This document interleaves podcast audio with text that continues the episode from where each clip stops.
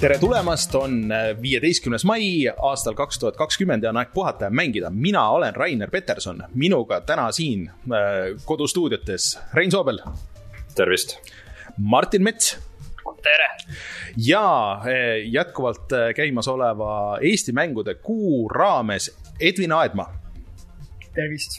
Edvinit siis võiksid kõik teada nii mitmestki Eesti siuksest mänguhitist ehk siis alates Teleglitchist, siis Shortest Trip to Earth ja nüüd siis Circle Empires põhimõtteliselt löövad kõik laineid. Edvin on meil muidugi enne ka käinud külas, see oli, see oli väga ammu.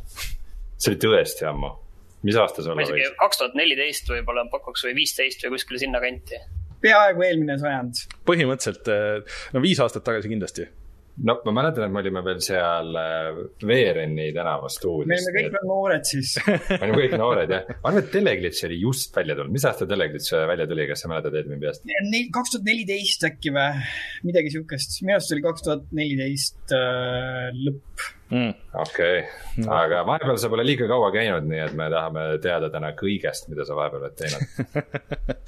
Äh, jah, ja Edviniga tulemegi siis kohe varsti tagasi rääkima kõigest sellest, mis siis vahepeal toimunud on ja, ja kuidas Eesti mängutööstus välja näeb Edvini silmade läbi ja kõik see aga siis kohustuslik osa, ehk siis äh, meid leiate nagu ikka äh, SoundCloudist, Spotify'st äh, ja kõikidest podcast'i äppidest. ja siis meid saab toetada Patreonis, patreon.com, kaldkriips puhata ja mangida. suur tänu kõigile, kes seda on teinud, teevad jätkuvalt ja plaanivad ka teha.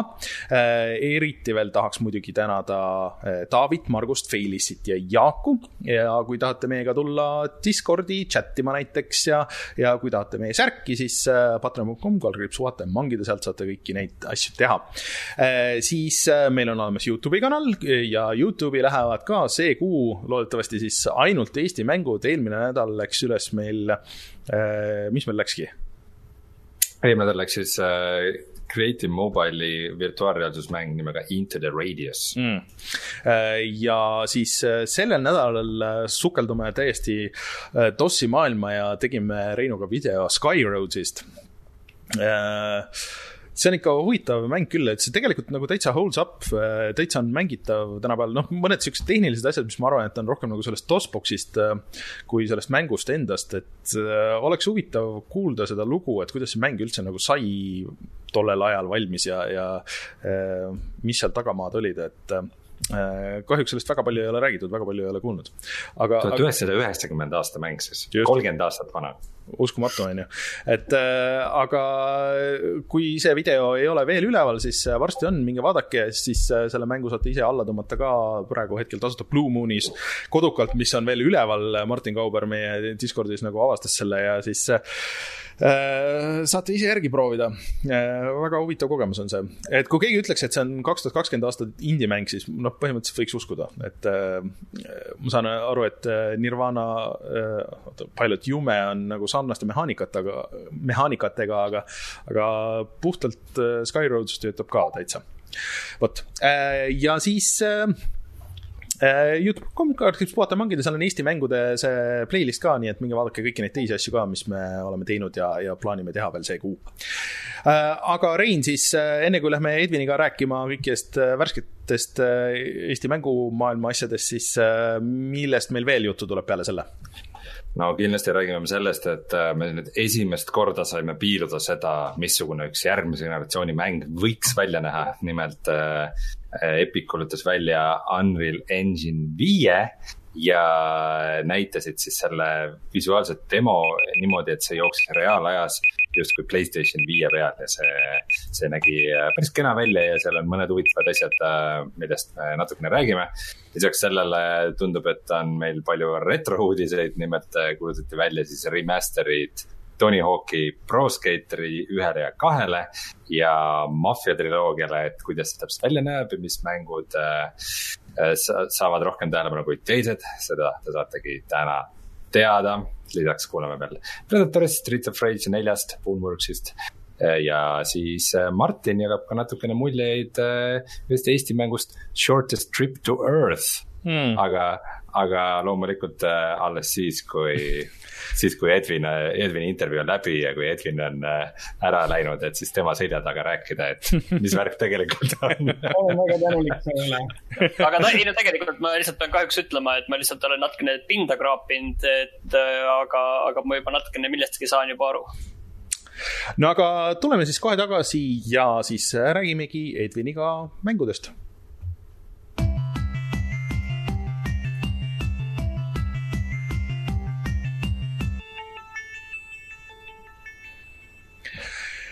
Edvin, väikse spoilerina siis me juba kohe mainisime ära, et, et sa oled juba enne käinud ja, ja rääkinud need põhiasjad, mis ma arvan, selles esimeses saates ära, kus sa olid, et äh, kuidas sa mängude juurde jõudsid ja, ja mis sind ikka inspireeris, et ma arvan, et äh, sellel me täna väga pikalt vist ei, vist ei peatu see oli meie neljakümnes saade, otsis keegi välja. neljakümnes saade praegu on neljasaja neljateistkümnes, nii et äh, päris peaaegu nelisada, nelisada saadet tagasi. kui teil äh, neli tuhat hakkab täis saama, siis kutsuge uuesti, eks ju sul on vist neljadega mingi teema, jah? aga äkki, Edvin, sa räägid hoopis, et äh, sinu kõige viimasem reliis või noh, mitte ainult sinu, vaid siis äh, mängu, millel sina oled olnud pundis, on Circle Empires Rivals. ja mis mäng see täpselt on ja mis sinu roll seal oli? minu jaoks on alati segaseks natuke jäänud see, et täpselt, et et mida sina seal teinud oled, ma tean, et sa oled sellega nüüd seotud, aga edasi on natukene segane. Olnud. noh, põhimõtteliselt äh, kõige lihtsam ülevaade on see, et uh, Circle Empires Rivals on nagu Circle Empires, millele on pandud juurde kõvasti content'i nagu sada viiskümmend üksust, maja asja. Mm.. Millele on tehtud juurde multiplayer versioon ja hulk erinevaid uusi, noh, päriselt, äh, päriselt uusi mängumõude, mis äh, arendavad seda, seda nagu laiendavad seda põhimõtteliselt mängumehaanikaid, muudavad otseselt nagu seda, mida sa seal mängus saad teha see on tegelikult äh, huvitav uudis, sest et mulle on igalt poolt jäänud nagu mulje, et see ongi lihtsalt multiplayer lisa, aga et see muudab seda nagu üksikmängu ka. see on selles mõttes, et äh, mulle tundub, et läks nii, et äh, äh, et kõigile osalejatele oli nii oluline mm, kommunikeerida mängijaskonnale, et see on multiplayer, mida kõik tahtsid, eks ju mm. -hmm. et nüüd me andsimegi teile multiplayer'i. et selle käigus äh, sai liiga vähele, vähele tähelepanu see asjaolu, et tegelikult seal oli sada viiskümmend uus üksust äh, ja noh, seal on majade üksused segamini selle numbri sees ja need, eh, noh, näiteks on rogu-like game mode, kus sa saad nagu kaardi peal oma pundiga ringi käia, laiendada impeeriumit, teha asju, aga ressursid ei taastu mm. -hmm. nii et, eh, et kõik eh, liigub sellise Malthusian katastroofi poole. ja, ja sa pead nende, nende limiteeritud ressurssidega võiduni jõudma. ja seal on näiteks teine hästi cool mängumood, mis mulle meeldib, on Stop the Army ehk siis, et kuskilt nurgast äh, äh, hakkab pihta kogu oma jõudu äh, äh, suurvastaste vägi ja siis sa äh, saad selleks äh, ette valmistuda, koguda kaitseid, upgrade ida, vajadusel põgeneda selle eest kuhugi kaugemasse nurka, koguda uuesti väed ülesse ja siis äh, sellele vastu astuda mm. -hmm. et ta on nagu klassikalises mõttes sarnaneb hästi palju äh, Expand-Alone'ile ehk siis expansion'ile, mis on nagu era-, omaette mäng. Expander, jälle uus, jälle uus sõna minu sõnavarasse. aga see võiks olla eestikeelne, mis oleks üksiklisa uh,? see oleks võib-olla siis äh, sõltumatu laiendus või, või iseseisev laiendus, noh, kirjeldav termin oleks mm. midagi siukest. chat võib pakkuda siukest head, siukest löövat nime sellele, aga, aga. aga, aga äkki me alustaksime sellest, et äh, need kõik need, kes ei tea üldse, mis see Circle Empires on, et mm kuidas seda võiks kirjeldada, et tegu on siis mingisuguse sihuke pealtvaates nunnu ähm, strateegiamänguga või mis, mis teie pitch on ähm,? ma kõige lühimalt kirjeldaks seda nii, et see on äh, casual äh,, väga kiire strateegiamäng või isegi taktikamäng, real-time tactics või siis casual uh, real-time strategy. ja põhimõtteliselt jah, seal on uh, see graafika on, on nunnu, aga mis on veel olulisem, on see, et ta on hästi selline puhtalt vaadeldav nagu koomiks. kõik okay. objektid on nagu äh, alateadvusele ei meeldi sellised suured abstraktsed maalid, kus ei ole sümmeetriat, kus on kaos, kus on nagu, otsid, kuhu ma nüüd selle pilgu keskendan. alateadvusele meeldivad koomiksid ja sellised Äh, sellised visuaalsed objektid, mis on nagu sushi, et hammustad ühe korraga ära ja lõmps, sul on kogu kogemus käes. ja kogu see Circle Empire'i stiil on nagu, kasutab väga otseselt seda, seda printsiipi et nii palju siis sellest visuaalsest stiilist, seal on teisi huvitavaid nüansse veel, aga noh, loomulikult see sobib väga, eriti hästi veel noortele inimestele on ju, ja seal ei ole, seal ka verd ei lenda ega päid ega midagi. ja mis puudutab inimeste vahelisse äh, isiklikku väga heasse läbisaamisesse, siis erinevalt näiteks short strip'ist äh, äh, Circle Empire'is siis ainult lendavad väiksed südamed, see on kõige intensiivsem viis, kuidas me empaatiat kirjeldame.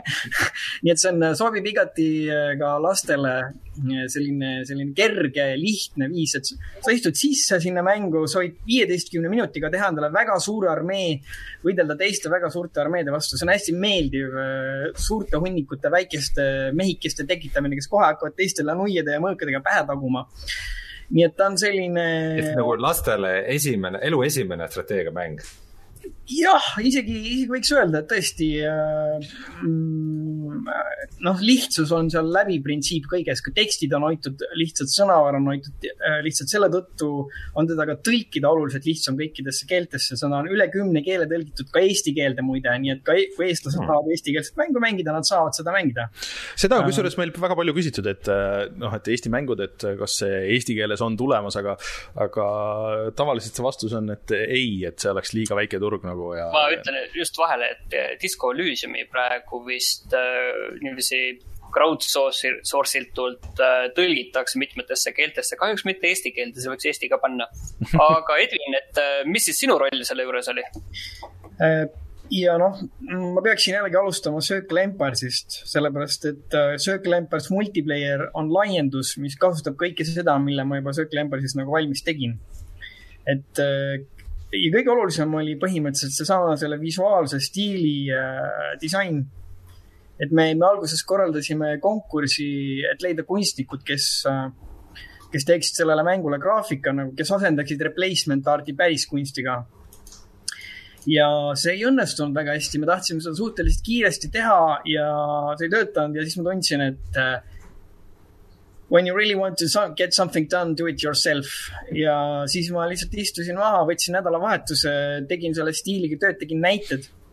ja noh, igapäevaselt tollel ajal äh, mul oli, mul oli käsil Shortest Trip to Earth äh, noh, kolme-neljase tiimiga. ja siis ma ütlesin, siis me mõtlesime, et davai, et võtame need kunstnikud appi, minu poolt tuleb see stiil ja kavandid, concept art äh, ja et äh, kunstnikud teevad selle graafiku ära. ja niimoodi sõlm tekkiski nende kahe mängufirma liitlus siis põhimõtteliselt. Äh, ja nagu senikaua, kuni me tegime Circle Empire single player'it, seda esimest versiooni, äh, noh, selle, sellel ajal ma osalesin otsesemalt mängudisainis, turundusstrateegias, kogu selle brändi arengustrateegias. noh, meil oli juba siis plaan teha sellele multiplayer järg ja see läkski põhimõtteliselt peaaegu täpselt nii, nagu me tahtsime. Mm aga ma, ma ühte asja täpsustaks veel, et, et see, see lisapakk muidu Circle Empire'ile, ühesõnaga siis eraldiseisev lisapakk või mis iganes, et eh, kuidas, kuidas see parem nimi oleks.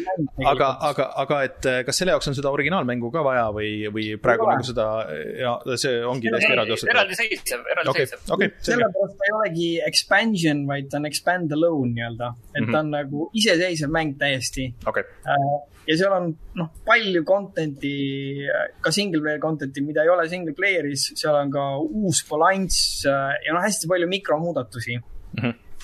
Uh, aga, aga jah, multi, kuna multiplayer uh,, kuna multiplayer'is uh, see töö, mida,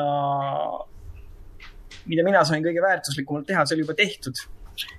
Single player'i, seda lihtsalt kasutati see, sama asju, samu asju single player'is, siis ka noh, Steam'i lehe kokkupanemine nii-öelda, kogu selle kavandamine, kõik, kõik need tegevused äh, said toetuda sellele olemasolevale.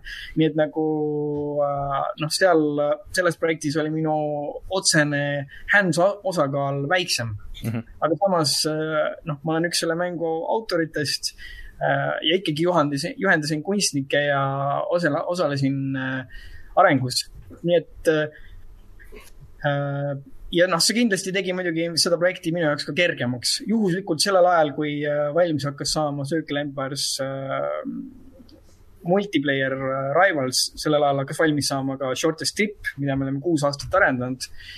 nii et noh ma, ma sain ühte mängu paremini teha, kuna mul ei olnud vaja nii palju keskenduda teisele sellel hetkel mm.. aga lähme nüüd selle Shorty Strip to Earth'i juurde, et see tuli nüüd eelmise aasta lõpus vist ametlikult välja, enne seda oli see Early Access'is tükk aega, võib-olla mingi aasta, aasta jagu vist. suve lõpus tuli välja. suve lõpus.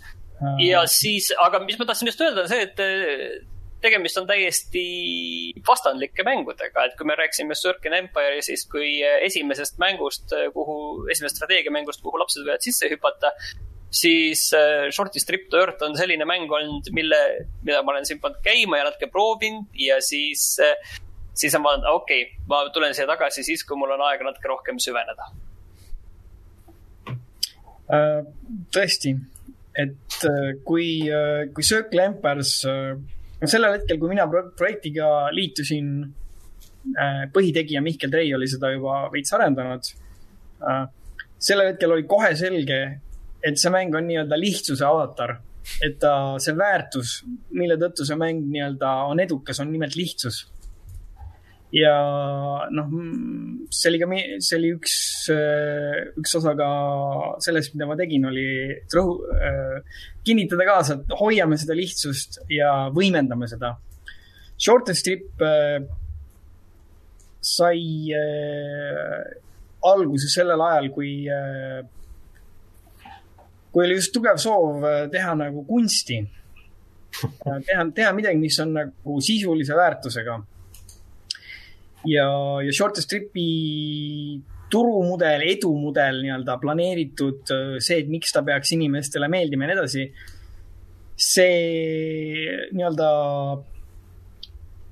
see nii-öelda astus üle turuolukorra, et sellel hetkel oli lõpp, kui me alustasime short strip'i arengut, oli lõppemas äh, casual mängude buum ja mobiilimängude kuldaeg oli just hakanud ümber saama ehk siis oli toimunud ära, noh, oli toimumas ära see, see suur monopoliseerumine, pärast mida sa saad edukaid mobiilimänge teha ainult äh, äh, sajatuhandeste või miljoniliste eelarvetega, kui sa tahad garanteerida, et oleks edukas ja mitte arenduseelarvetega, vaid turunduseelarvetega. ehk siis äh, ma tahtsin keskenduda sellele, milles me oleme tugevad, ehk siis PC single player kogemusele, mille, mis on äh, sügav, mis võtab äh, aega ja tähelepanu äh, ja mis võimaldab keskenduda. et äh, ka selle, ka short strip'i äh, nii-öelda siht äh, audients, inimesed, kellele see mäng olid mõeldud, olid mm, umbes kolmekümne viie aastased Ameerika pereisad et äh, see on üks kõige paremini maksvamaid äh, segmente maailmas. Need inimesed maksavad kõige, kõige rohkem raha välja, käivad mängudesse üldse. vähemalt tollel ajal see oli, see oli väga kaua, kaua aega tagasi. nüüd on see keskmine maksev vanus tõusnud, ehk siis nüüd tõenäoliselt äh, kõige rohkem inimesi maksavad võib-olla näiteks neljakümne ühe aastased inimesed. ma pole seda statistikat tükk aega vaadanud. ja seetõttu ma ise tundsin rahulikult, et me ei pea nagu tegema midagi ülilihtsat inimeste jaoks, me võime minna sügavaks ja ma kohe ütlen ka ettejuttavalt ära, et, äh, et äh, me võib-olla võtsime veidike liiga suure tüki, me nagu äh, tahtsime, noh, me teadsime, et meid hakatakse tele, äh, selle FTL-iga võrdlema äh, vaate, mänguvaate sarnasuste tõttu, mõlemad äh, tegelevad siis sellega, et sa näed ülalt vaates läbi lõikes oma kosmoselaevu ja tegeled seal sees tehnoloogia inimestega kuna me teadsime, et see võrdlus tuleb, siis äh, noh, meie valik, me noh, me, me plaanisime kohe algusest peale, me, me tahame teha rohkem, sügavamalt ja paremini. et me ületaks selle võrdluse. ja kes viitsib vaadata Steamis review sid, siis äh, noh, ma ütleks mingi kolmkümmend protsenti või niimoodi ütled, et äh, oh no, ma nagu lootsin, et see on FTL kaks ja see ei olegi, see on nii keeruline, nagu pistke ennast põlema. ja siis pooled mängijad ütlevad, et vau wow,, et see on nagu keerulisem, sügavam, põhjalikum äh, FTL mm.. ja põhimõtteliselt täpselt see, mida ma lootsin kuulda. Sellepärast, et äh, kui sa tead, et inimesed niikuinii sind panevad kasti, siis anna iseenda neile see kast, kuhu sa tahad, et nad sind paneksid nagu. ja noh, inimeste ajud töötavad niimoodi mul on üks äh, spontaanne küsimus kohe selle peale, et kuna juhuslikult äh, samal ajal Eestis tehti veel ühte pealtvaates äh, kosmoselaeva mängu, kus sa manageerid tehnoloogiat ja inimesi, nimelt siis Voidshipi mm. -hmm. kas teil kunagi ei tekkinud mõtet, et paneks nagu leivad ühte kappi ja teeks koos veel keerulisemat mängu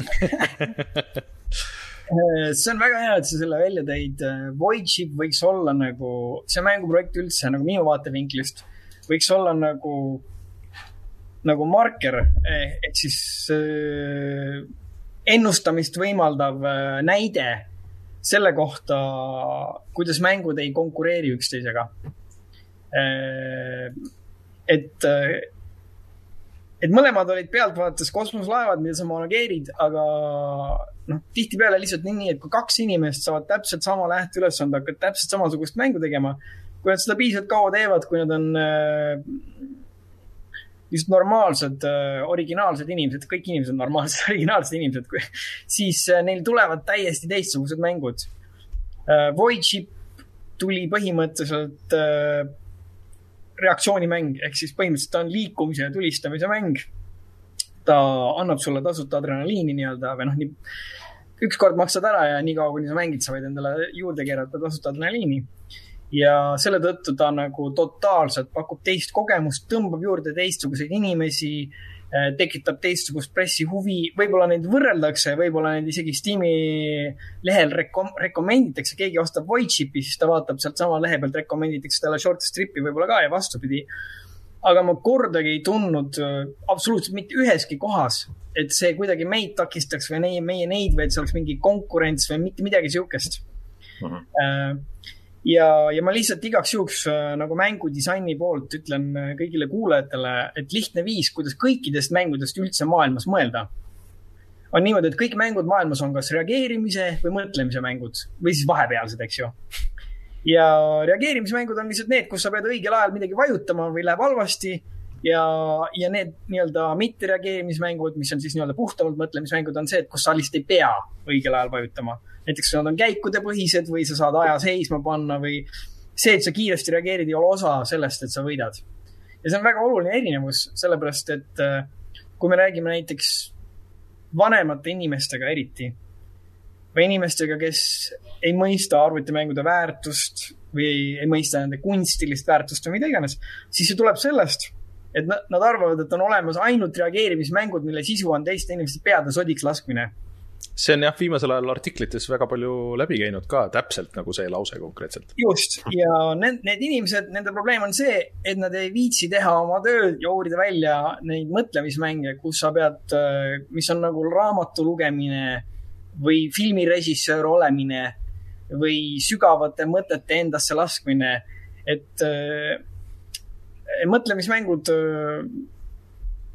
on väga ilusad ja head mängud enamasti mm. ja tavaliselt neis on ka enamasti äh, tiibsisu, sellepärast et kõik inimesed, kes tänapäeval hakkavad juba mõtlemismängu tegema äh,, noh, neil, nad on tavaliselt, neil on nagu veidikene rohkem soodumust kunsti loomiseks kui need inimesed, kes reaktsioonimänge teevad, sest et sa saad teha väga hea reaktsioonimängu, kui sa oled progeja, matemaatik äh,, digigraafik, plahvatuskunstnik ja nii edasi ja nii edasi Äh, võib-olla taktikaline eriüksuslane kõigele lisaks. aga kui sa ei ole kirjanik või mida iganes, äh, kunstnik, koomiksikunstnik, äh, näitleja, siis sul on, ähm, siis sul on lihtsalt keerulisem luua sellist kunsti, mis nii-öelda puudutab inimeste hingi või annab neile uusi huvitavaid mõtteid, siis sa lihtsalt pakud ägedat nagu adrenaliini ja taktikalise mõtlemise simulaatorit. Ja kõik mängud ei peagi olema lood, kõik mängud ei peagi olema raamatud. Mm -hmm. aga kui me tuleme tagasi short stripi juurde, siis short strip äh, loodi selles, selles äh, situatsioonis, kus oli juba ette näha, et äh, konkurents kasvab ajas, kasvab võib-olla kiiremini kui mängijate arv ja enamik inimesi, kes mänge juurde teevad, ilmselgelt ei tee sügavaid, aeglaseid äh, kunstiväärtusega mänge, vaid teevad äh, kiireid, odavaid tuluteenimissüsteeme, mis tavaliselt on reaktsioonimängud. Hmm.. seega ma ei tahtnud hakata kogu selle, selle osaga võistlema ja ma teadsin, et äh, ma teen lihtsalt seda oma niši asja ja selles nišis on piisavalt palju inimesi et äh, minul oleks kõht täis, et meie tiimil oleks kõht täis ja meie viieteistkümnel investoril oleks ka kõht täis. et ühesõnaga, ma sain praegu aru siis, et äh, short'i stripiga põhimõtteliselt, et see ei olnud nii suur müügihitt. ma näen, et praegu äh, Steam Spy ütleb sellele kakskümmend tuhat kuni viiskümmend tuhat, aga kõhud on täis, sai ikka süüa osta pärast, jah?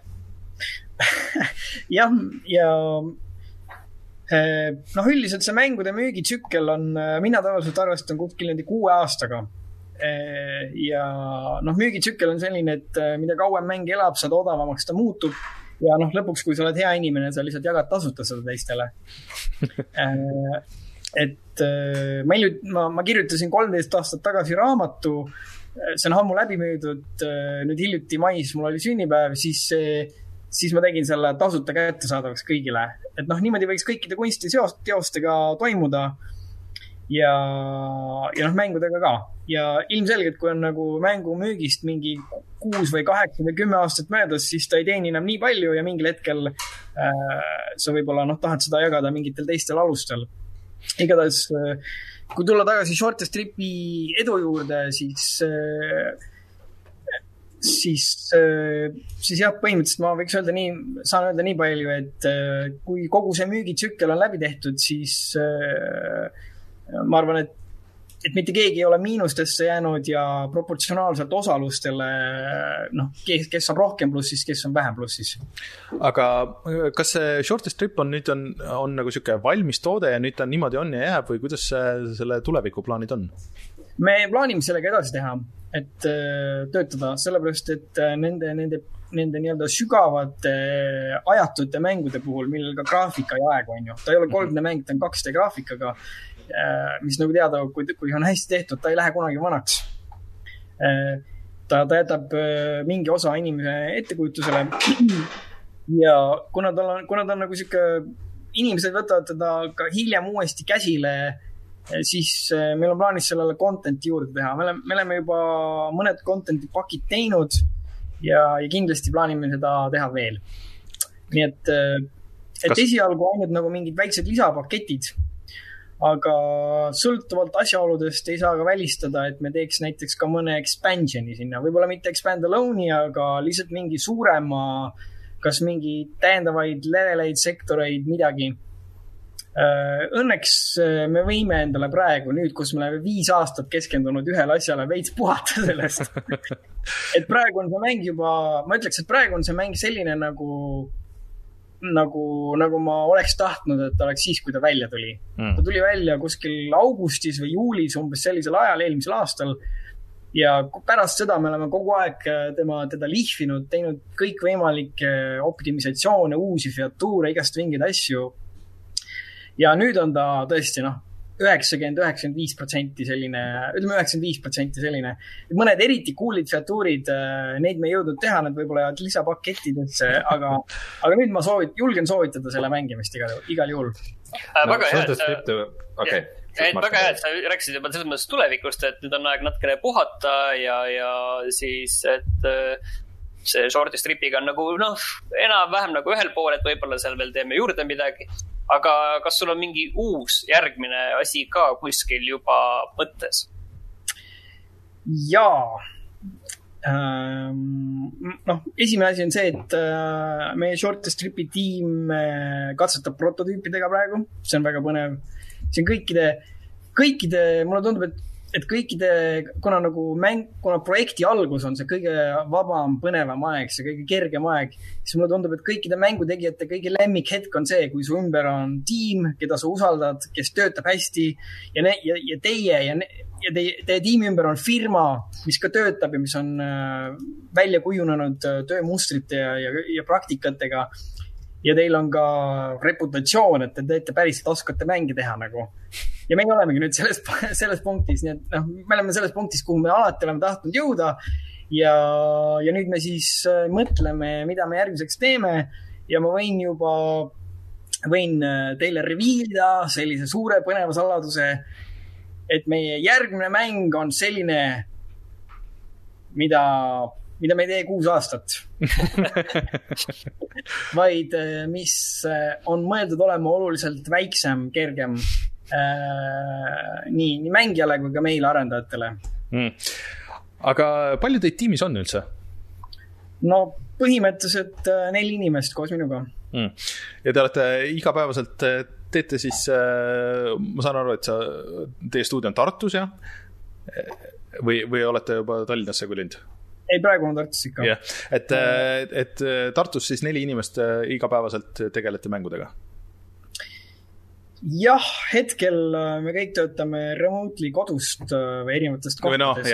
No, ja me alustasime sellega juba väga ammu, vist veebruaris või ammu enne eriolukorra väljakuulutamist mm.. me, me, me, me, meil vedas, me olime vara, varajaselt informeeritud, meil me saime maske siis, kui veel maske oli. Okay.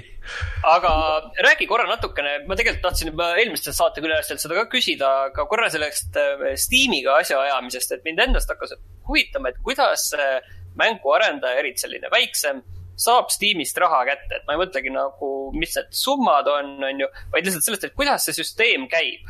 Kas sa saad nagu iga kuu lõpus selle, mis sul on, ostud on tehtud või saad suvalisel hetkel öelda, et kui nupu klõpsida ja öeldi, et makske mulle kõik need välja või kuidas see käib? see, eh, minul on enamik projekte olnud uh, publisher idega, kes uh, noh, handle ib enamikku Steamiga suhtlemist. aga üldiselt see käib niimoodi, et sa saad umbes kahekuuse viivitusega automaatselt uh, üle-eelmise kuu müügi, umbes niimoodi mm. -hmm. ahah, okei okay., aga väga hea, et sa rääkisid levitajatest ka, et sul on ju Äh, praegu Shorty Stripil ja, ja siis ka Circle Empiresil, kui ma nüüd ei eksi, on, on ju Iceberg ja, ja Teleglitchil oli Paradox. kui keeruline on nende jutule üldse saada?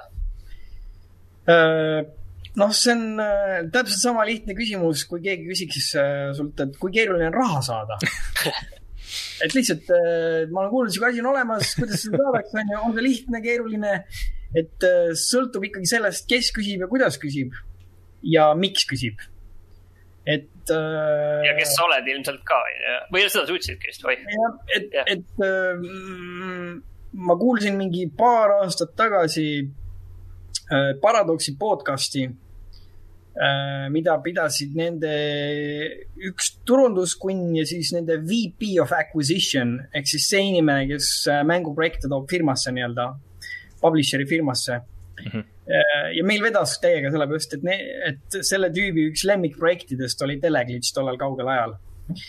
Äh, ja, ja nad rääkisid seda, et nad saavad vist päevas minimaalselt nelikümmend pakkumist nagu mänguprojektidele. issand jumal. Mailitsi ja see oli kaks aastat tagasi, kui mänge oli oluliselt vähem ja mängu tegijaid oli oluliselt vähem. nii et võib arvata, et see on ainult kasvanud ja nemad nüüd nad vist võivad olla üks äh, Rootsi suurimaid äh, publisher'e. aga igatahes tol kaugel ajal nad kindlasti ei olnud kõige suuremad, vaid nad olid äh, äh, oma kaalukategoorias kõige suuremad. Nad tegid kunagi selle City Skylines'i mm., mis oli üks äh, next big hit pärast SimCity kahte tuhandet nagu linnasimulaatorid.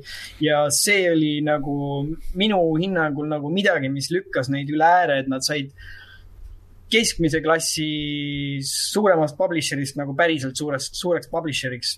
aga ja Teleglitchi ma... aegadel tegelikult oli ka niiviisi, et see Teleglitch oli seal väga teistmoodi mäng, sest muidu neil olid ju seal sellised need äh, grand strateegiad üldiselt uh,. jah, no see oli, ma, ma olen väga õnnelik selle üle siiamaani, see oli nagu erand, mille nad tegid, sest et neile lihtsalt meeldis see. ja mina olin see, mina olin see inimene, kes leidis meile, meile kes, kes viis, viis neid läbirääkimisi läbi ja kes otsis publisher'e, samamoodi ma tegin seda Circle Empires'iga ja Short Stripiga.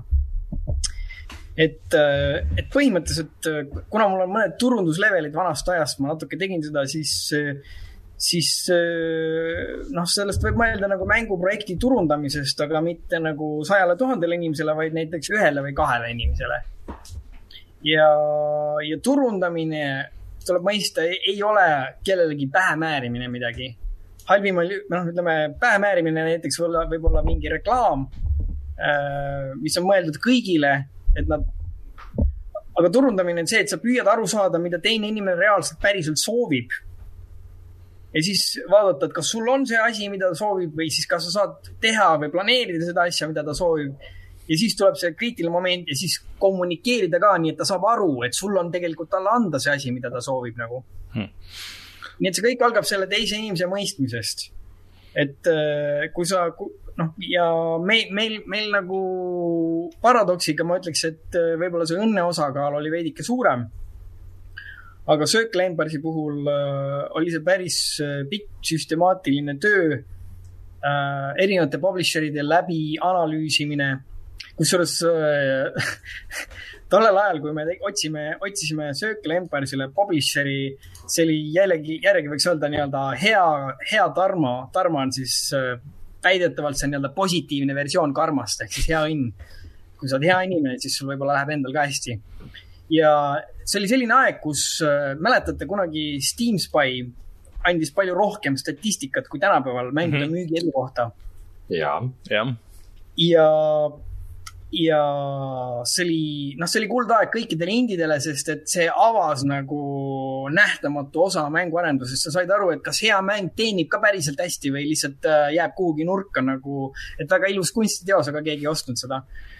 ja mina tegin oma analüüsi publisher idest ja nende edu, nende reaalsest edust, kas nad päriselt müüvad neid mänge hästi või lihtsalt nad räägivad, et me oleme kõva mees. täpselt enne seda, kui Steam Spy kinni läks mm. -hmm aga. nii et ma nagu tegin oma töö ära, siis val-, tuli mingi hunnik kandidaate, ma võtsin nendega ühendust, osad neist vastusid, osad nendega vastajatest tekkis dialoog.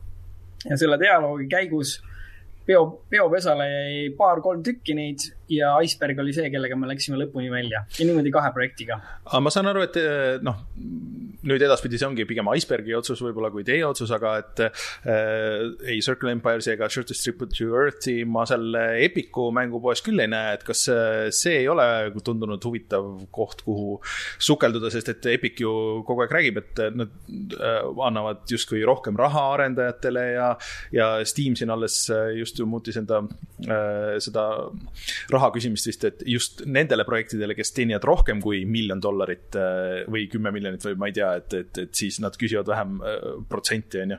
aga Epic justkui meelitab äh, kõiki ja, ja ütleb, et okei okay,, et me jätame just väikestele tegijatele rohkem raha kätte, et või, või Apple Arcade või midagi sihukest, et kas see ei ole tundunud huvitav? mida, mida rohkem mängupoode, eriti edukaid, suuri, häid, ilusaid mängupoode, seda parem mängu tegijatele ja tegelikult ka mängijatele mm. -hmm. et äh, no äh, ma olen äh, ise isiklikult tõesti viis aastat või kuus aastat väga süvenenult äh, on keskendunud just mängudisainile, selle tiimi juhtimisele siin, et me saaks Short Stripi valmis hea mänguna mm -hmm.. seetõttu minu vastutus turunduse, turunduses, levitamises, müügidiilides, kõiges selles äh, ei ole olnud kõige aktuaalsem asi minu jaoks nagu. nüüd, kus meil on see toode valmis nüüd muutub jälle veidike aktuaalsemaks, et kas see ikka on igal pool müügis, kas kõik äh, allahindlused saavad ikkagi optimaalselt kasutatud. Äh, kuidas ta on ühes kohas ja teises kohas. nii et ja no ega tegelikult minul ei ole sellega kiire, selles mõttes, et mõtleme näiteks nii. praegu on noh, kogu aeg tuleb uusi mängupoode, mis ampsavad tüki sellest Steam'i monopolist, on ju, see, see on juba mõnda aega käinud Indie Humble Store on, eks ju, kõige suurem konkurent praegu. vist siiamaani ma, ma mm -hmm. ma ei tea, kuidas nad Epicuga võrdlevad. ja mida hiljem me mängu kuhugi uude poodi paneme, seda rohkem on mängijaid selles poes sellel hetkel, kui poes, poest, pood paneb oma avalehele plakati, et no nüüd meie ka müüme short strip'i mm. -hmm nii et, nii et ma nagu ei tunne, et, et ma nagu peaks nagu lühike, lühike vastus on see, et ma ei ole jõudnud kõikidesse uutesse kanalitesse süveneda. Ma mingil määral olen sellega kogu aeg tegelenud tagant ta,, väiksemal määral. aga noh, see on lihtsalt aja küsimus, kui hea toode jõuab kõikidesse poodetesse, kõikidesse poodidesse, mis müüvad seda head toodet hästi põhimõtteliselt. Okei okay.. ma, ma ütleks veel kommentaari korraks Hiina kohta. et äh, nagu teada, Hiina on kõige suurem turg maailmas ja seal on hästi palju mängijaid ja neil on hästi palju raha ja nii edasi. aga siiamaani minu kogemus on see, et äh, lihtsalt kogu see suund on liiga hämar ja ebausaldusväärne, et äh, mingi täie auruga sinna hakata oma elusekundeid nagu selle raha rabamise nimel panustama. Mul, äh, ma olen niisugune kilpkonn või tigu elus ja, ja mul ei ole nagu, ma lähtun sellest Eesti vanasanast, mida tasasemalt sõuad, seda kaugemale jõuad. et ei taha tervet firmat Tencentile ära müüa kohe? ei ole vajadust nagu kohe nagu. aga äh, räägime korraks veel siis äh, äkki üldisemalt seda äh, Eesti mänguarenduse teemat, et et mis sa arvad, et mis see kõige suurem takistus on praegu, et Eestis ei ole tekkinud ja hetkel nagu väga ei paista ka, et tekiks siukseid suuri mängufirmasid, et neid on ju Soomes ja Rootsis ja, ja igal pool siin ka endistes sovjetiriikides küll, et, et mis see Eesti probleem on? see on hästi, minule isiklikult on see hästi mõnus küsimus, sest minul ei ole seda probleemi, et, et Eestis oleks, ühesõnaga väga lihtne. miks Eestis midagi on vähe? eks ikka sellepärast, et inimesi on vähe ükskõik, mille kohta me küsime. miks Eestis on vähe, ma ei tea äh,, basseine? sellepärast, et on vähe inimesi, kes käib nendes basseinides aga, aga Ed, ei, Edvin, ma arvan küll, et see on just äh, sulle mõeldud küsimus, sest et äh, kui Teleglitchi te tegite väga väikse meeskonnaga, siis miks sa ikka veel teed äh, mängu nelja inimesega, miks seal ei ole nelikümmend või nelisada inimest, miks see, miks sa, miks ei ole kasvatanud vahepeal seda? mulle, mulle hiljuti tehti pakkumine osaleda ühes projektis, mille planeeritud eel, e-, eelarve oli miljonites. Ja et siukseid regula-, siukseid pakkumisi tuleb regulaarselt ja ma olen oma elus hästi palju asju teinud üheaegselt, liiga palju, see on liiga halb. hea on teha, noh, mitte rohkem kui kolme asja üheaegselt või kahte nii et, et ma võtan seda tasa, tasapisi, aga, aga tegelikult ma tahaks sellele küsimusele vastata sügavamalt. tegelikult ei ole vastu, küsimus ainult selles, et inimesi on vähe või et mänguarendajaid on vähe. tegelikult on vähe juhte, kes on valmis ise vastutama ja panema kogu oma elu ja elusekundid mängu, et järgmine mänguprojekt oleks sada protsenti edukas. Hmm.. väga palju on selliseid juhte, selliseid ärimehi, selliseid investoreid, produtsente, inimesi, kes ütlevad, oh, otsige mulle kümme arendajat, ma viskan pappi, annan teile ideaalse äriidee, siis tõmbun ise kuhugi kaugemale, hakkan vaatama ja siis teete ägedalt mänge. Aga selliseid, kes äh, ise kogu oma naha ja karvadega roniks sinna kõige keskele ja hakkaks oma kätega selle muda sees tegema asju, koolitama inimesi välja, looma tiime, panema nagu tegema praktiliselt selliseid lihtsalt, need inimesed teevad meil Äh, mida nad teevad, sõjaroboteid teevad. Mm, hästi palju andmehaldussüsteeme nagu enamik neist, ma tean, need väga targad inimesed kõik teavad andmehaldust, siis nad teevad e-poode, on ju, suurepärased e-poed. Äh, üks, üks UX-i äh, spetsialist, kellega ma kunagi rääkisin, et, et kuule, et et mis on nagu see cool asi, mida sa nagu tõesti ise tahaksid teha, sihuke, et mille üle sa uhke oled, siis ta ütles, et ja, et ma, ma tahaks teha ühe, ükskord ühe, ühe tõsiselt vinge veebipoe aga Edvin, kas, kas see, mis sa kirjeldad, seda tüüpi inimene, kas see ongi siis mänguprodutsent? Ehm, ma julgustan kõiki inimesi, kes käesolevat saadet vaatavad, lugeda Vikipeedia linki video game producer. seal on, seal on hästi hea Äh, ülevaade nendest, äh, selle produtsendi rollidest, aga ma kohe avan seda siin ka. et see on nagu kolme nähtuse vahepealne asi. Äh, see arvutimängu produtsent on veits nagu filmiprodutsent, veits nagu raamatu toimetaja ja veits nagu tootehaldur et põhimõtteliselt see on nagu laias laastus see, kes manageerib, et kogu see suur protsess jõuaks õigesse kohta õigel kujul ja siis erineval määral paneb oma käed ka mängu. kas rohkemal või vähemal määral, mida nii-öelda kaugem externalim ta on, seda rohkem on ta strateegiline nõunik, kes annab, äh, kui ta on hea, väga head nõu, on ju, suures pildis. Äh, ütleme, et kui me räägime kõigest sellisest strateegilisemast produtsendist, siis tema on selline, kes suhtleb partneritega, leiab strateegilisi levitajaid, leiab võib-olla tiimiliikmeid juurde, haldab neid väiksemaid uh, tiimiliidreid või neid, kes taktikalisemalt teevad asju aga kui ta on äh, rohkem äh, saba ja sarvedega sees, siis ta võib-olla on juba tiimiliider, võib-olla ta on mängudisainer, võib-olla ta vastutab näiteks turunduse eest otsesemalt.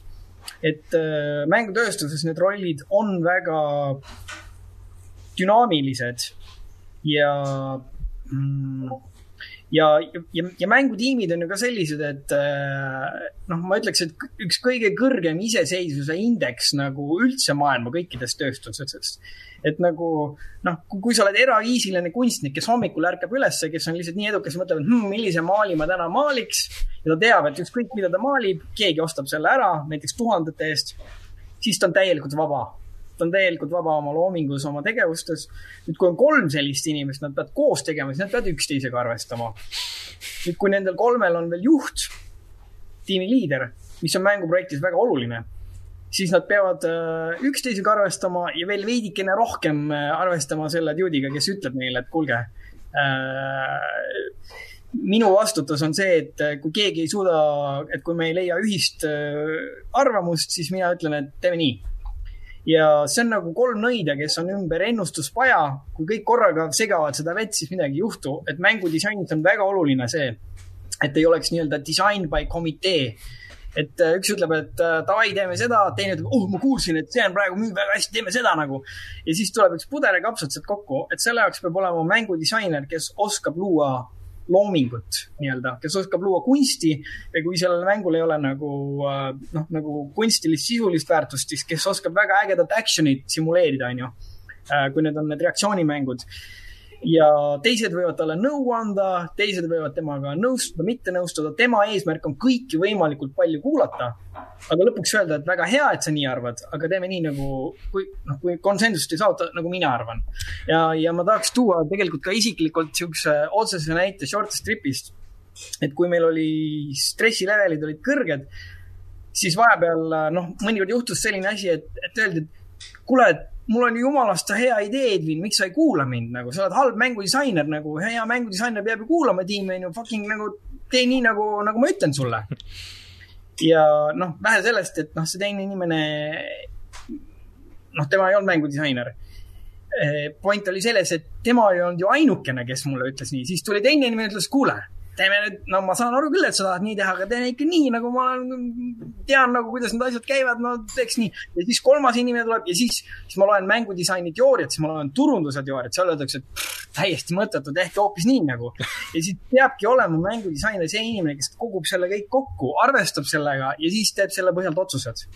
et see on hästi oluline ja kui me räägime nüüd, tuleme tagasi produtsendi rolli juurde, siis äh, siis eh, noh, kui see nii-öelda isiklikult vastutav produtsent, siis tema peab põhimõtteliselt sarnast asja tegema nagu veel kõrgemal tasandil ehk siis nagu projekti või mängufirma tasandil. Hmm..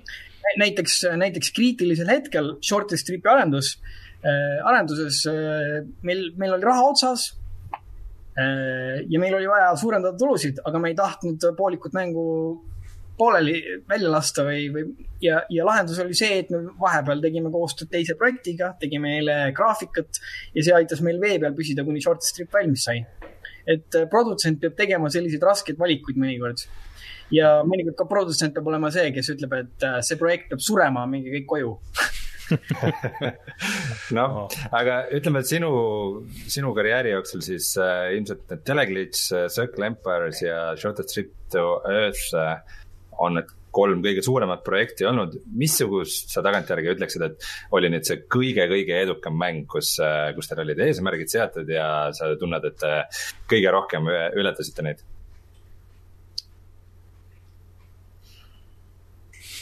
kas siis majanduslikult edukam või, või kunstiliselt, see, see jääb su enda otsustada? ma tahaks öelda nagu sellist asja, et, et Shortest Trip ja Circle Empires oma edukuselt on minu jaoks äh, väga sarnased.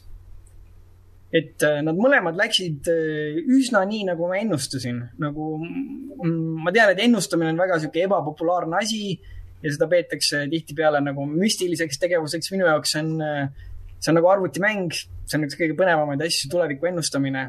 eriti selle ennustamine, kui palju me kõik raha saame.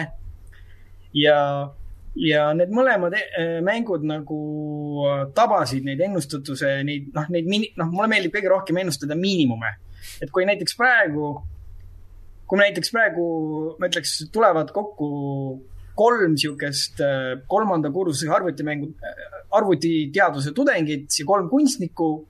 Nad mõtlevad, et davai, me ei tea küll sellest mitte kui midagi mängude tegemisest, aga me oskame teha programme ja kunstnikud oskavad teha kunsti ja nüüd me teeme mingi mängu ja paneme selle lihtsalt müüki, et vaadata, mis saab. siis noh, mina isiklikult võin nende juurde minna, vaadata seda kunsti, öelda, et no kuulge te võite arvestada, et see, teie mäng müüb vähemalt kümme kuni, ütleme, tuhat kuni kümme tuhat eksemplari. et äh, ja see on täiesti realistlik ennustus, et see ei ole mingi kunst sellist mängu teha Steamis hmm.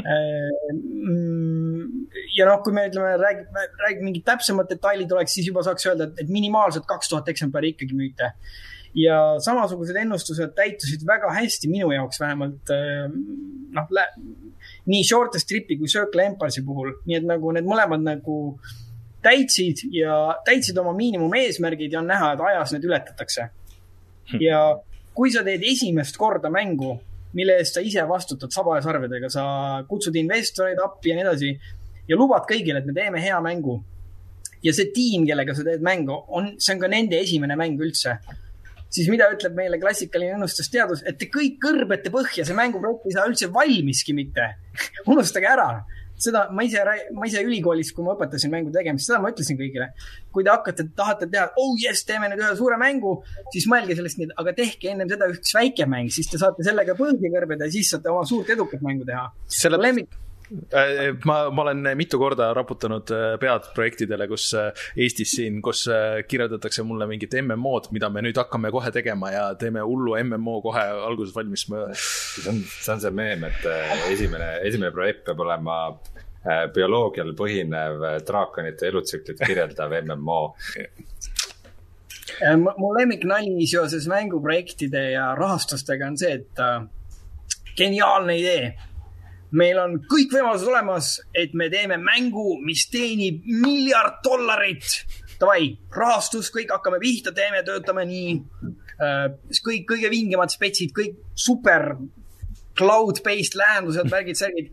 tulemus, tulemus on see, et tuli mänguprojekt, mille arenduseelarve pluss turunduseelarve tulid miljon dollarit, aga mäng ei saanud valmis hmm.. No. ja läks muutma no see, ma vaatan muidu selle ajal, ma ei tea, kas see oli sel ajal, kui veel Steam Spy andis head infot või mitte, aga Teleglitch'ile siis öeldakse, et omanikke on äh, viissada tuhat kuni, kuni miljon.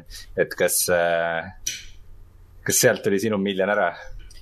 ei tulnud, et ma võin saladuskatte all paljastada, et äh, Steam Spy üldiselt hindab mänge, eriti kui me räägime suurematest numbritest, pigem edukamaks, kui, kui need tegelikult on nii et see miljon tavaliselt, eh, noh, kui sa tahad teada saada, kas mäng on eh, miljoni, miljon eksemplari müünud, siis sa pead vaatama, et kas ta on nagu miljon kuni kaks miljonit müüki näiteks või midagi sihukest mm.. aga ma võin öelda nii palju, et kui me loeme kokku teleglitši mängijad ja Circle Empire'i, näiteks mõlema Circle Empire'i mängijad ja no võtame Forte Stripi omad ka juurde, et siis eh, võib isegi olla miljon mängijat täis nagu see on ju väga kõva sõna, eriti Eesti võtmes. aga ma arvan, et äh, tõmbame vaikselt otsad kokku, aga enne kui me, Edvin, sulle laseme minna, siis äh, meil on see kohustuslik küsimus sulle, et äh, ütle meile ja meie kuulajatele siis kolm mängu mida sa soovitaksid inimestel mängida ja mis sulle endale väga meeldivad ei pea olema uued mängud võivad olla vanad mängud, aga, aga kolm. võivad olla olulist. ka reaktsioonimängud jah, just. nii et. Suur rõõm on jagada, sellepärast et äh, mulle meeldivad indie-mängud. Nad on tihtipeale äh, tõesti uudsed võrreldes, äh, võrreldes teiste mängudega ja, ja, ja kõige lõbus, kurvem asi nende juures on see, et sa lihtsalt ei saa teada, et nad on olemas mm. -hmm et, et lihtsalt, kui keegi ei ütle sulle, siis sa kunagi ei saa seda ägedat mängu. ja ma tooks välja kolm mängu. esimesena tooks välja sellise soomlaste indie-mängu nagu Noita mm. -hmm. NOITA, see on soome keeles nõid. ja no see on väga erakordne mäng hästi paljude asjaolude tõttu. Äh, see on, see on põhimõtteliselt protseduuriliselt genereeritud platvormer, äh, rogu-like, pikselgraafikaga aga mik-, mis teeb ta, noh, mis on number üks saavutus, mis on täiesti nagu müts maha, on see, et ta on platvormer. Kui ma nagu inimestega, kes ei tea väga palju mängudest, kes kaaluvad mängude tegemist, räägin mängudest, siis ma ütlen neile, et jumal hoidku, tehke mida iganes te tahate, aga ärge tehke platvormerit sellepärast, et platvormer-mängud on sõna otseses mõttes maailma kõige ülerahvastatumad, kõige rohkem müra ja crap'i ja noise'i on tehtud ja kõik algajad teevad ka platvormeid, sest see on kõige lihtsam asi, mida teha ja seda ei ole mõtet mitte kellelgi tänapäeval teha, kui ta ei innoveeri kas sisu või vormi. See on üldse, kui, kui keegi tahab, see on väike kõrvalepõige, kui keegi mänguarendaja siin tahab äh, geniaalset, universaalset eduvalemit, siis tee mäng, mis innoveerib kahte ühest, kas sisu või vormi. Kui mõlemad on vanad, siis see on igav, keegi ei tunne huvi, kui mõlemad on uued, siis keegi ei saa aru.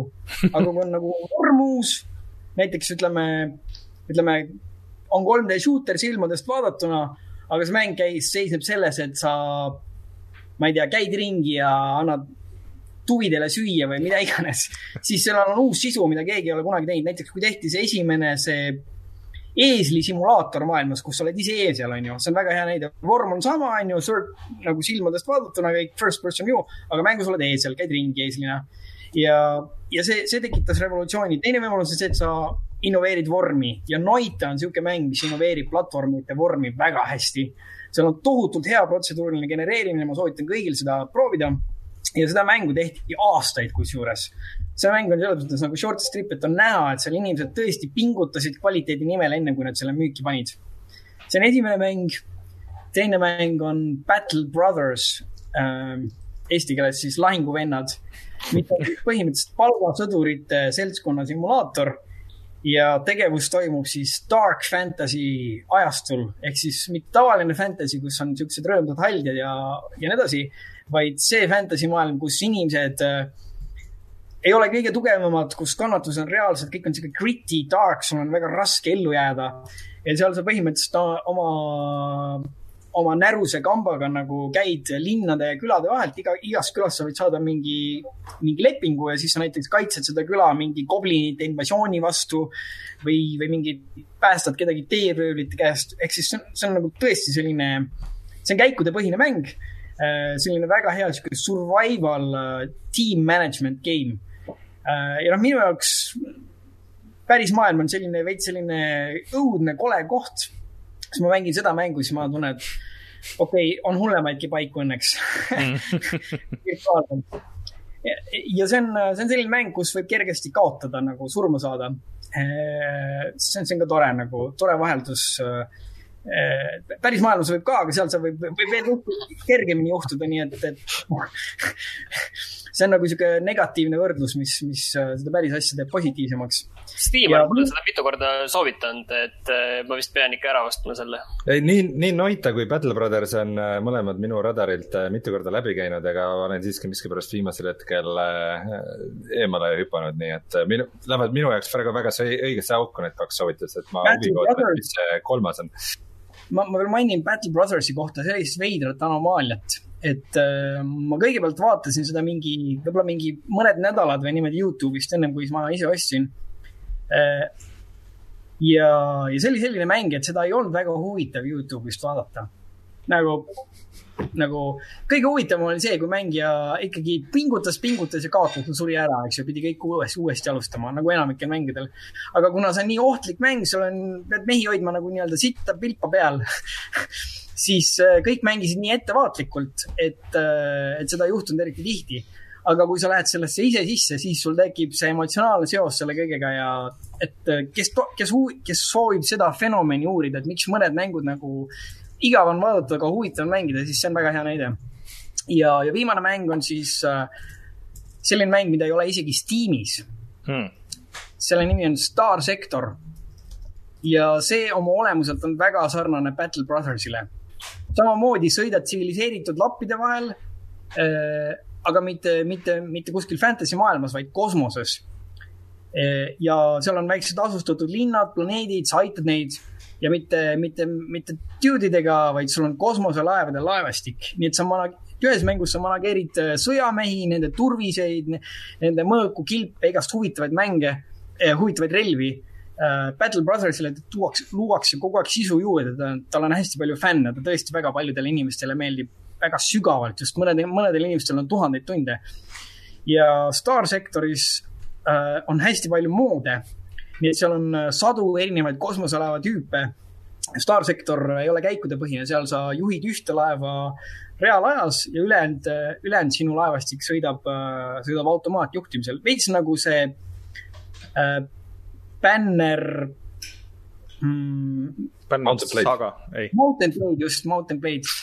aga, aga noh, teises vaates, eks ju, pealtvaates ja.... selle, selle esimene tutvustus ongi kohe Mountain Blade in Space. Et äh, neid, neid mänge julgen soovitada, need on, äh, äh, neid mõlemaid mänge on arendatud vist üle viie aasta, kui ma mm. nüüd ei eksi. et nad on nagu veits ka sellisest, sel-, nagu sihuke keskenduvad, keskendujate poolt tehtud ja keskendujatele tehtud ka. Hmm.. suured tänud. väga, väga head, väga huvitav jutt oli ja ma arvan, väga kasulik kõigile inimestele, kes tahavad mänge arendada. Ja mm -hmm. need mängusoovitused olid ka väga head. Äh, loodan, et äh, Eestisse tuleb mängutegijaid juurde, ma, ma ütlen teile, selles sektoris raha liigub ja liigub üha rohkem. Ja kõikidest sektoritest, mis ma tean, kõik IT-töötajad, arstid, juristid, mängutöötajad saavad iseendale teha sellise elu, et nad on vabad, nad teevad seda, mida tahavad, nii kiiresti või aeglaselt, kui nad tahavad et julgustan teil äh, selle teega alustada, võib-olla saame kunagi ägedat midagi koos teha. super soovitused ja suured tänud, äh, Edvin, sulle meiega rääkimast, siis äh, loodame jah, et kui nüüd läks peaaegu üle kolmesaja selle saate siis sinu eelmisest käigust, et siis järgmise korraga ei, ei lähe nii kaua. vot, aga nägemist ja oota, kuidas, kuidas me sind välja kikkida nüüd saame siit, ma ei, nüüd ei, ei teagi, ma ei näe oma, oma nuppe. järgmise korrani. jaa tšau. nii, aga ma siis panen kohe kõlli ja lähme uudistega edasi mm. -hmm.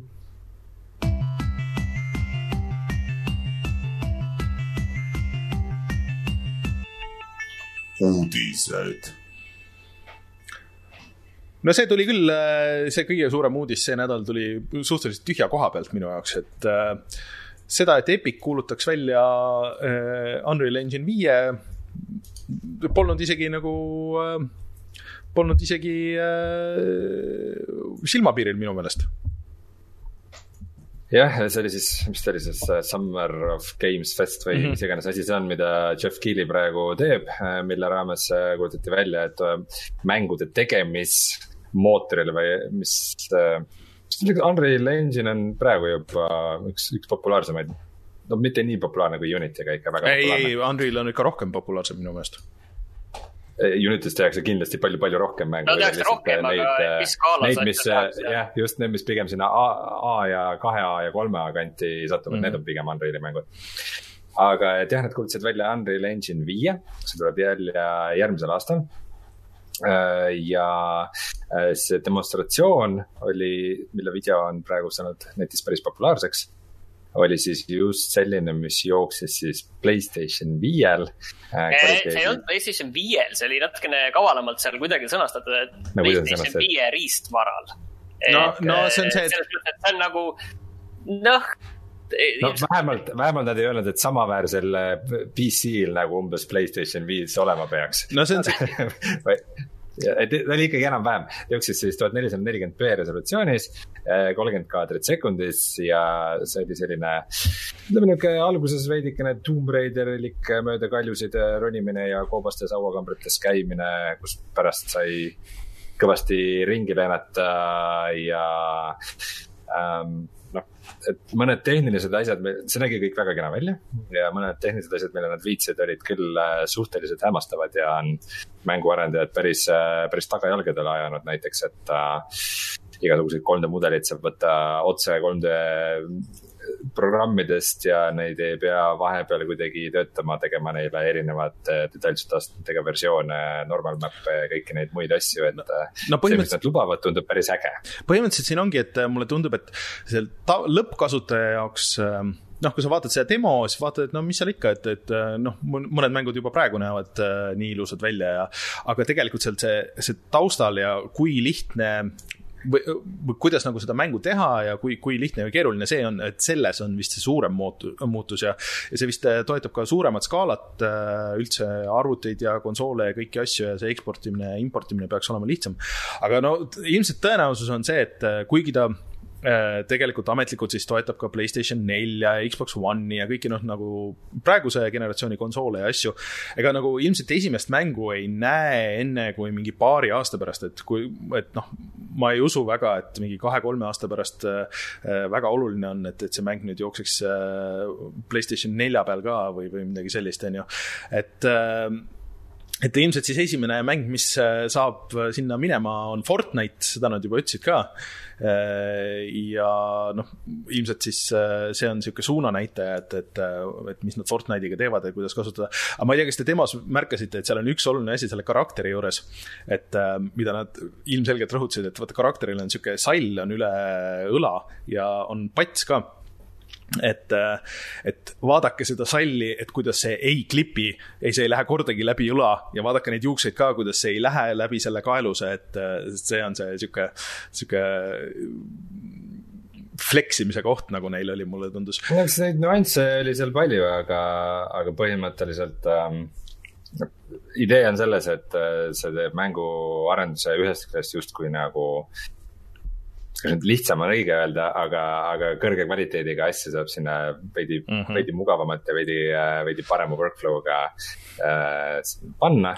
et ähm, aga nad rõhutasid, et selle kõige juures, mis nad näitasid, on väga oluline just see Playstation viie see SSD ehk siis see, selle nagu andmevahetuskiiruse süsteem mm, -hmm. mis, mida Playstation viis või noh, Sony on siin kõvasti tuututanud, et just see on see, mis äh, järgmise, selle konsooli generatsiooni niisugune nagu alustusala on, et just need kiired kettad üks mm -hmm. asi, mis on vist äh, Sonyl nagu kiirem kui Microsoftil on vist see siis andmevahetus seal on ju. Äh, tegelikult Digital Foundry tegi mingi analüüsi ja et need on ikka suhteliselt võrreldavad, et et seal lihtsalt on nagu erinevad tehnoloogiad nagu neil ah,, okay. et lõpptulemus justkui nagu on sama.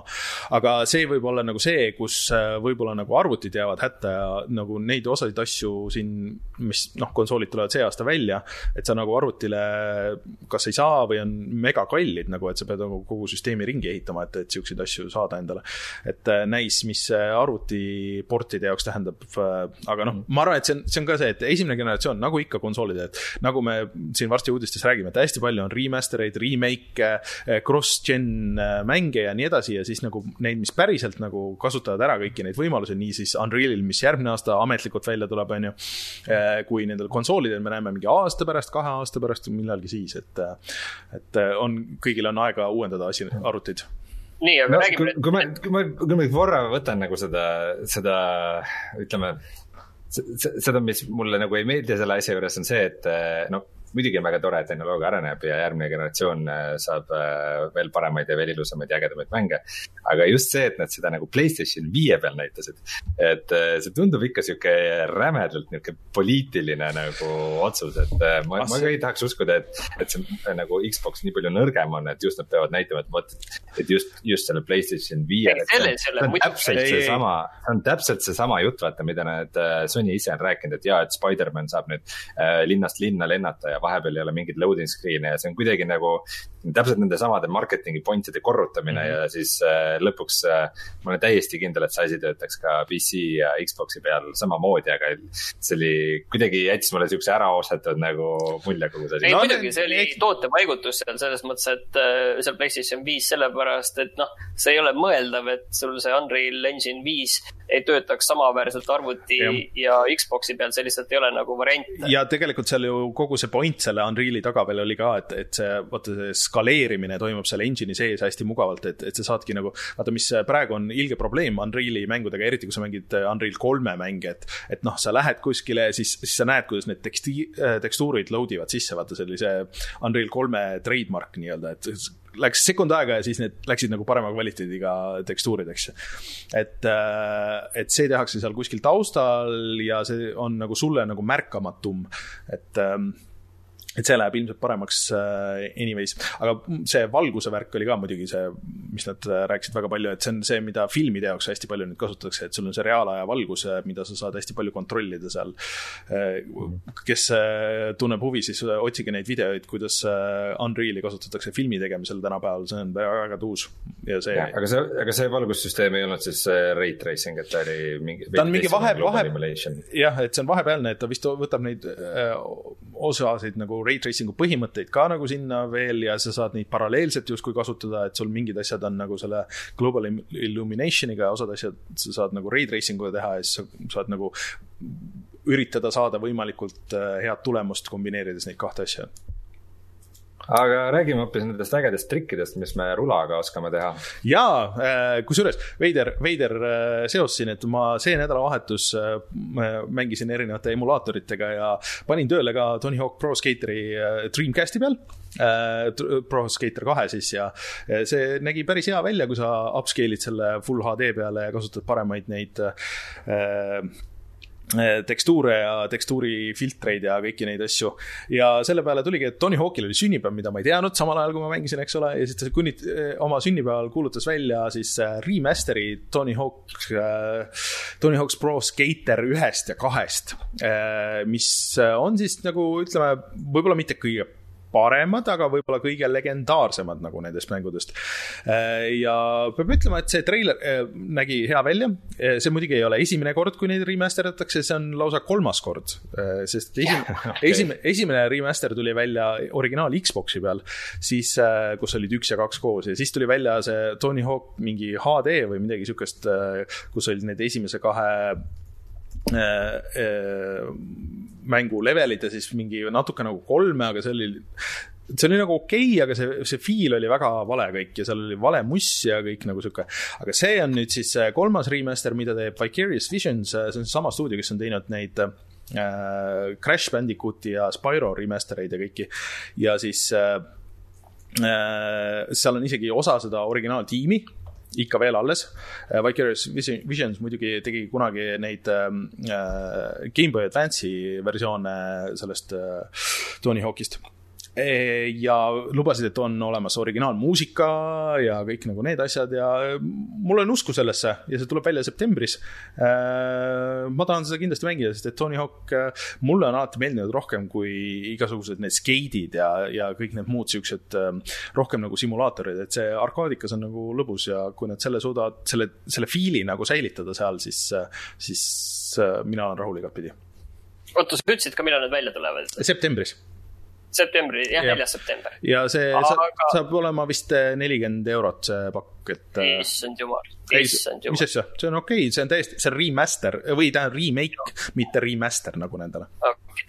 aga Mafia terve triloogia, kõik kolm mängu, nendest tulevad ka siis uusversioonid ja Mafia kaks tuleb välja järgmisel nädalal, üheksateistkümnendal mail mm ja veid, veider valik, et Mafia kaks tuleb esimesena nendest välja. ma saan aru, et Mafia kaks nagu nendest, mina olen mänginud kolmandat osa ja kahetsen seda siiani, aga, aga. sa Mafia kolmesid selle läbi isegi. jah, kahjuks. tagantjärele vaadates oli see viga, aga ma saan aru, et see kaks on see, mida kõige rohkem kiidetakse vist äh, ta vist oli nagu kõige lähemal sellele, sellele GTA-le nagu suures plaanis, et äh,.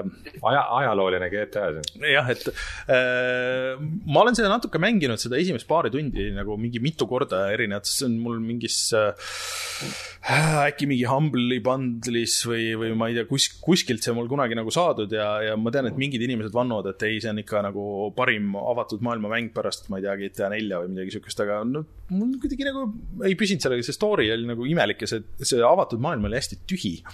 et äh, seda teeb seesama stuudio, kes nüüd neid kõiki neid äh, maffia mänge on teinud et nemad teevad seda remaster'it ka, aga.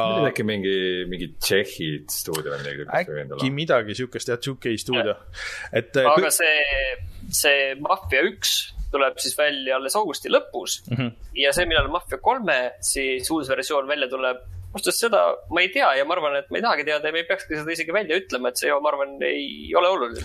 jah, et see kolm ja see, ma ei tea, ilmselt kui sa mingisuguse äh, füüsilise paki ostad, et kus need kõik kolm sees on, siis on, aga et see kolm vist lihtsalt nagu tuleb uuesti välja ilmselt koos, koos lisapakkide ja kõige sellega, aga uue, uue selle konsoolidega. aga, aga siis Mafia üks on kõige suurem remaster, nägi, vähemalt screenshot'id nägid päris ägedad välja, aga, aga mm, Mafia no, üks. just, et Mafia üks oli kõige toorem, noh, isegi siis, kui ta välja tuli, siis kõik ütlesid, et okei okay,, et see ikka on nagu väga igav versioon GTA-st, kuigi ajalooline, et et kas nad nagu seda sisu on ka puutunud või seda ei tea vot selles mõttes on naljakas, et Mafia kahel tuleb siis äh, remaster ja Mafia ühel remake, aga kuna Mafia kahele saavad kõige esimesena välja, siis, äh, siis on nagu noh, isegi kui see Mafia ühe remaster on väga hästi tehtud, siis inimestel jääb ikkagi mulje, et aa, et see on ju midagi samasugust, nagu nad tegid Mafia kahega. no vot ongi nagu, et. Äh, saadab nagu veidra sõnumi. on jah, et et andke see remake siis nagu kõigepealt ikkagi välja ja siis need teised nagu boonusena või et nagu,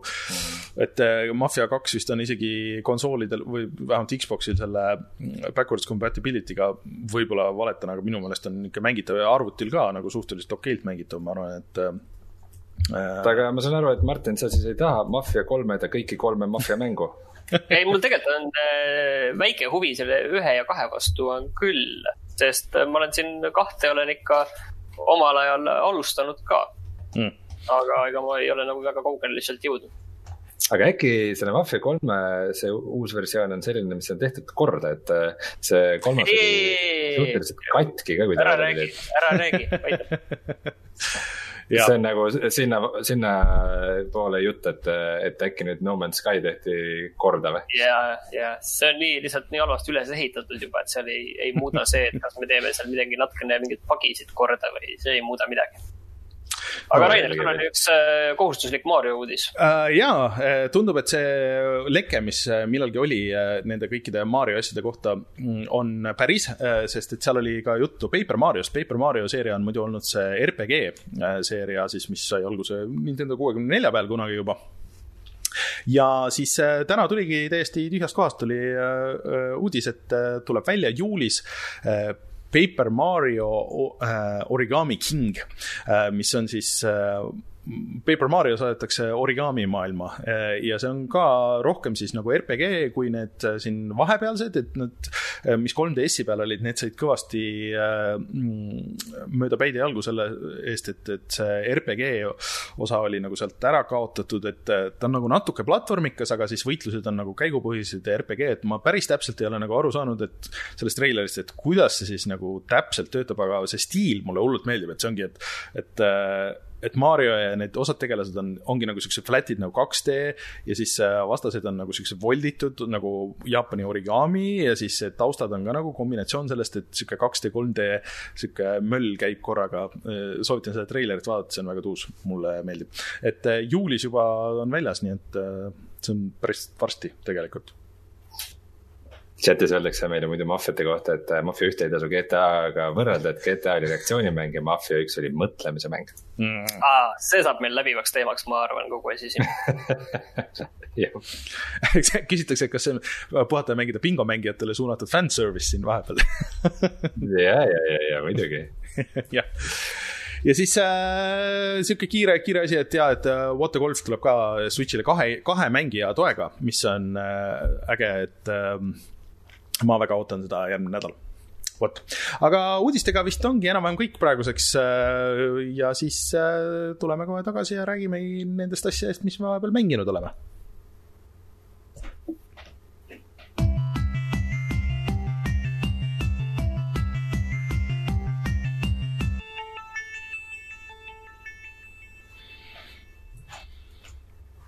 nii, Martin, kas sa siis äh, tahad äh, rääkida Shortest Trip to Earth'ist äh,, alustada ikkagi Eesti mänguga?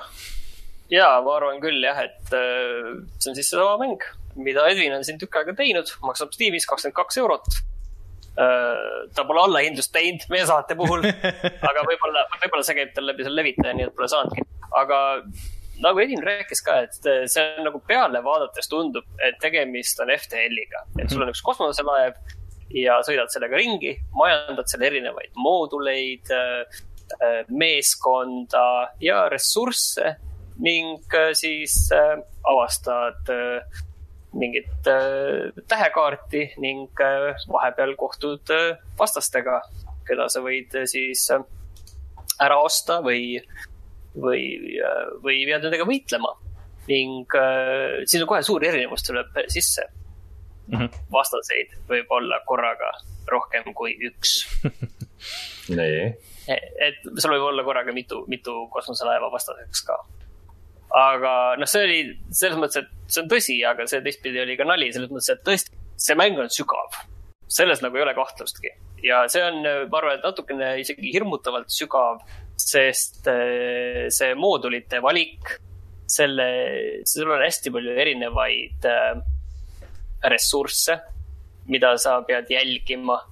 ja minu meelest nad on seda mängu teinud natukene, natuke lihtsamaks ka, et kui sa alustad enda seda run'i, et see on samamoodi rogu-like ja see, mis sa run'ide pealt saad, on see, et kui sa saad surma, siis sa saad surma, onju. aga sa saad mingeid äh, fate point'e, mis on ilmselt vihje Interactive Fate'ile, kes on selle arendaja äh,. selle eest saad järgmise run'i jaoks uusi pöörke lahti osta lihtsalt et sul on mingi. sessiooniväline progressioon.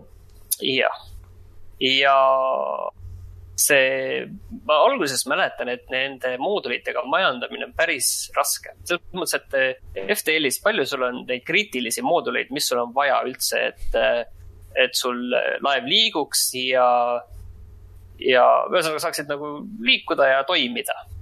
ma arvan, et umbes piloot, mootoriruum ja ongi vist kõik no, kilbid ja relvad. kilbid ja relvad on juba sellised optional lõbu on ju, selles mõttes, et sa saad liikuda Hapnik. ilma ka. hapnik peaks ka hapnik töötama. no ühesõnaga, sa saad hakkama mingi aja, aga mitte pikalt ilma hapnikuta, on ju. siis äh, Shorty Strip Dirtil on neid mooduleid äh, palju rohkem et sul on seal mootorid, sul on seal erinevad reaktorid, nende reaktorite tüüpe on väga palju. sa võid põhimõtteliselt kokku klopsida mingeid äh, äh suvalistest äh, enda ressurssidest mingi asja, aga see on selline DUI reaktor. või vastastega võideldes või kaarti avastades sa võid saada mingeid leida. et üks asi, mida vastased tropivad, ongi moodulid. Ning sa võid leida palju-palju võimsamaid mooduleid. Ja sealt tuleb see, see juhuslikkuse aspekt ilmselt tuleb ka seal mängus sisse, ma ei tea, kui juhuslik see siis on, pärast seda Edvini juttu ma ei ole enam nii kindel, aga võib-olla see on natukene rohkem käsitöö aga sa, sa saad minna palju sügavamaks selles, mis tüüpi need moodulid on. lisaks sul on seal need äh, meeskonna jaoks äh, cryosleep moodul siis, siis sul on see äh, kapteni sild. ma mõtlen kohe, siis sul on see warp drive. ja siis on veel muidugi relvad, kõik on eraldi, kõik võtavad mingi mooduli kohe, sul on, ütleme laevas, sul on ilusti mingi viisteist, kakskümmend mooduli kohta, millest enam-vähem mingi kuus-seitse on sellised, mis on täiesti kriitilised.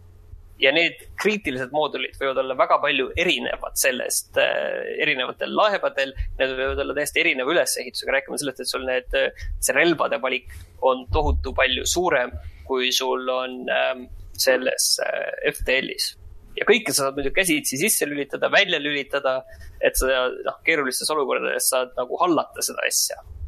ja samamoodi sul on see meeskond seal peal äh, minul on tavaliselt need alla kümne olnud, võib-olla neid saab kuskil seal veel rohkem äkki olla. aga nende puhul on samamoodi, et mida nad teevad, kus nad on, seda sa saad palju rohkem äh, käsitsi ise määrata, ise organiseerida ja ise teha.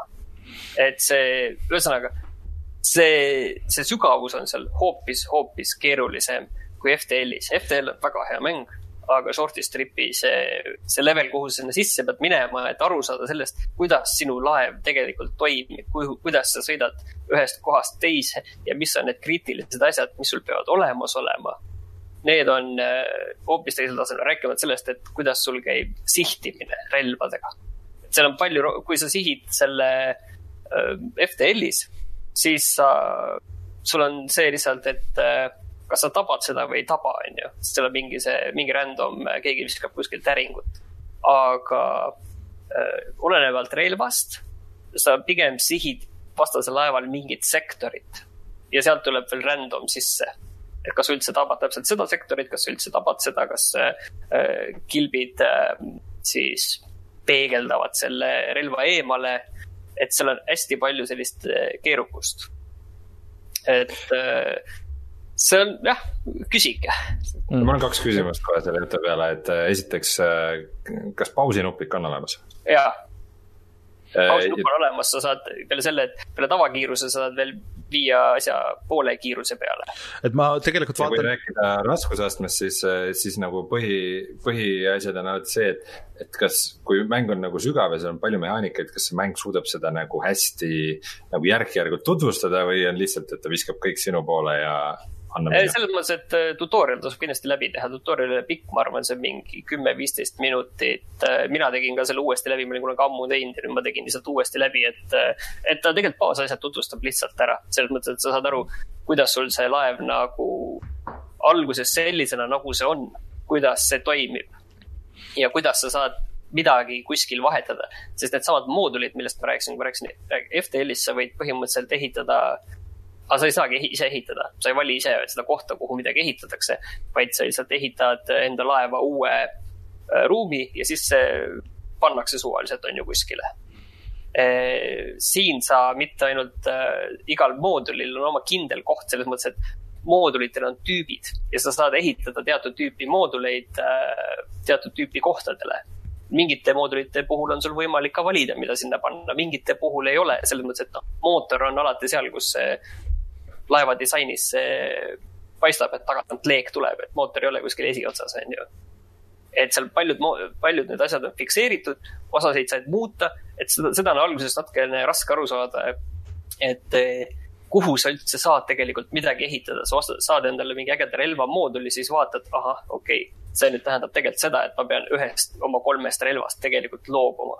aga mis see eesmärk nagu lõpuks on, et sa üritad saada, kas seal on nagu mingi sihuke väga fikseeritud äh, nagu story? Nagu, nagu pealkiri ütleb, tagasi äh, maale jõuda, aga sul on selle jaoks suur tähekaart, kus sa hüppad erinevatelt äh, äh selliselt erine-, erinevate tähtede vahel mm -hmm. ja tähed on jagatud eraldi sektoriteks ja sa pead selle sektori läbima. sektori läbimine on ka selline noh, kus on selline umbes kümme sellist huvipakkuvat äh, punkti, mille vahelt sa hüppad iga punkti juures midagi on, seal võib olla vastaseid, sa näed neid natuke kaugemalt, oleneb sellest, kui head su, kui hea su see äh, long range skänner on. Vastavalt sellele sa näed neid vastaseid kaardil, et tavaliselt alguses ma lihtsalt jooksin vastastele otsa kogu aeg, sellepärast et mul olid nii kehvad radarid ja ma ei näinud neid, nägin neid alles sisuliselt siis, kui nad olid kohal. ja siis sa leiad ressursse ja ehitad enda laeva aina paremaks ja paremaks, nagu kõigis nendes mängudes on see eesmärk äh, enda laev võimalikult kiiresti, võimalikult heaks saada, et lõpupoole jõuda, kus läheb raskem. aga sul on mingi fikseeritud aeg või mingi käikude arv selleks või, või, või kuidas, et, et see on täiesti su oma valik?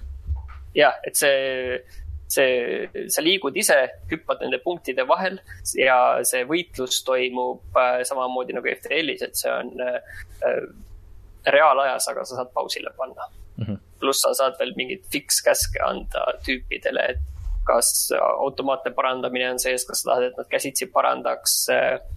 sa saad neid meeskonnaliikmeid suunata kindlate moodulite peale, relvade peale, mis parandavad sihtimist et aga noh, see on tegelikult umbes see, et minul läks umbes kaks-kolm tundi aega, et sellest mängust nii palju aru saada, nagu ma praegu olen aru saanud ja mul see vähemalt tekitas praegu isu edasi minna ja ma tegelikult soovitan teistele ka, et eh, kellel on tunne olnud, et nagu tahaks midagi sellist nagu FTL, aga see on võib-olla tundunud natukene liiga keeruline, siis ma nagu soovitaks need esimesed sammud ära teha, et see maitse nagu suhu saada.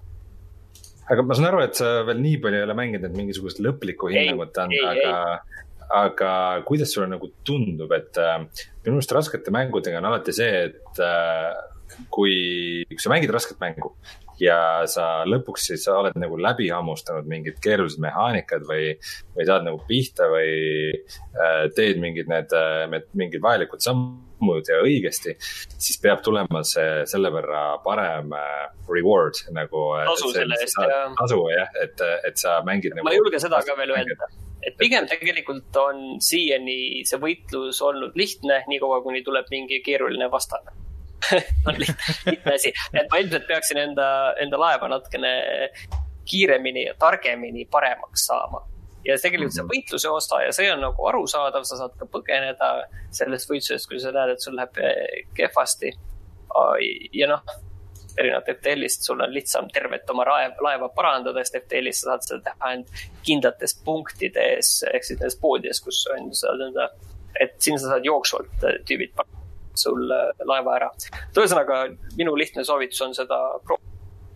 aga kas ka tegu on värske kullamänguga? kahjuks ei saa olla värske kullamäng vist. või saab? ma ei tea, ei, ma veel ei pane, ma veel ei pane, mängime edasi ja siis vaatame.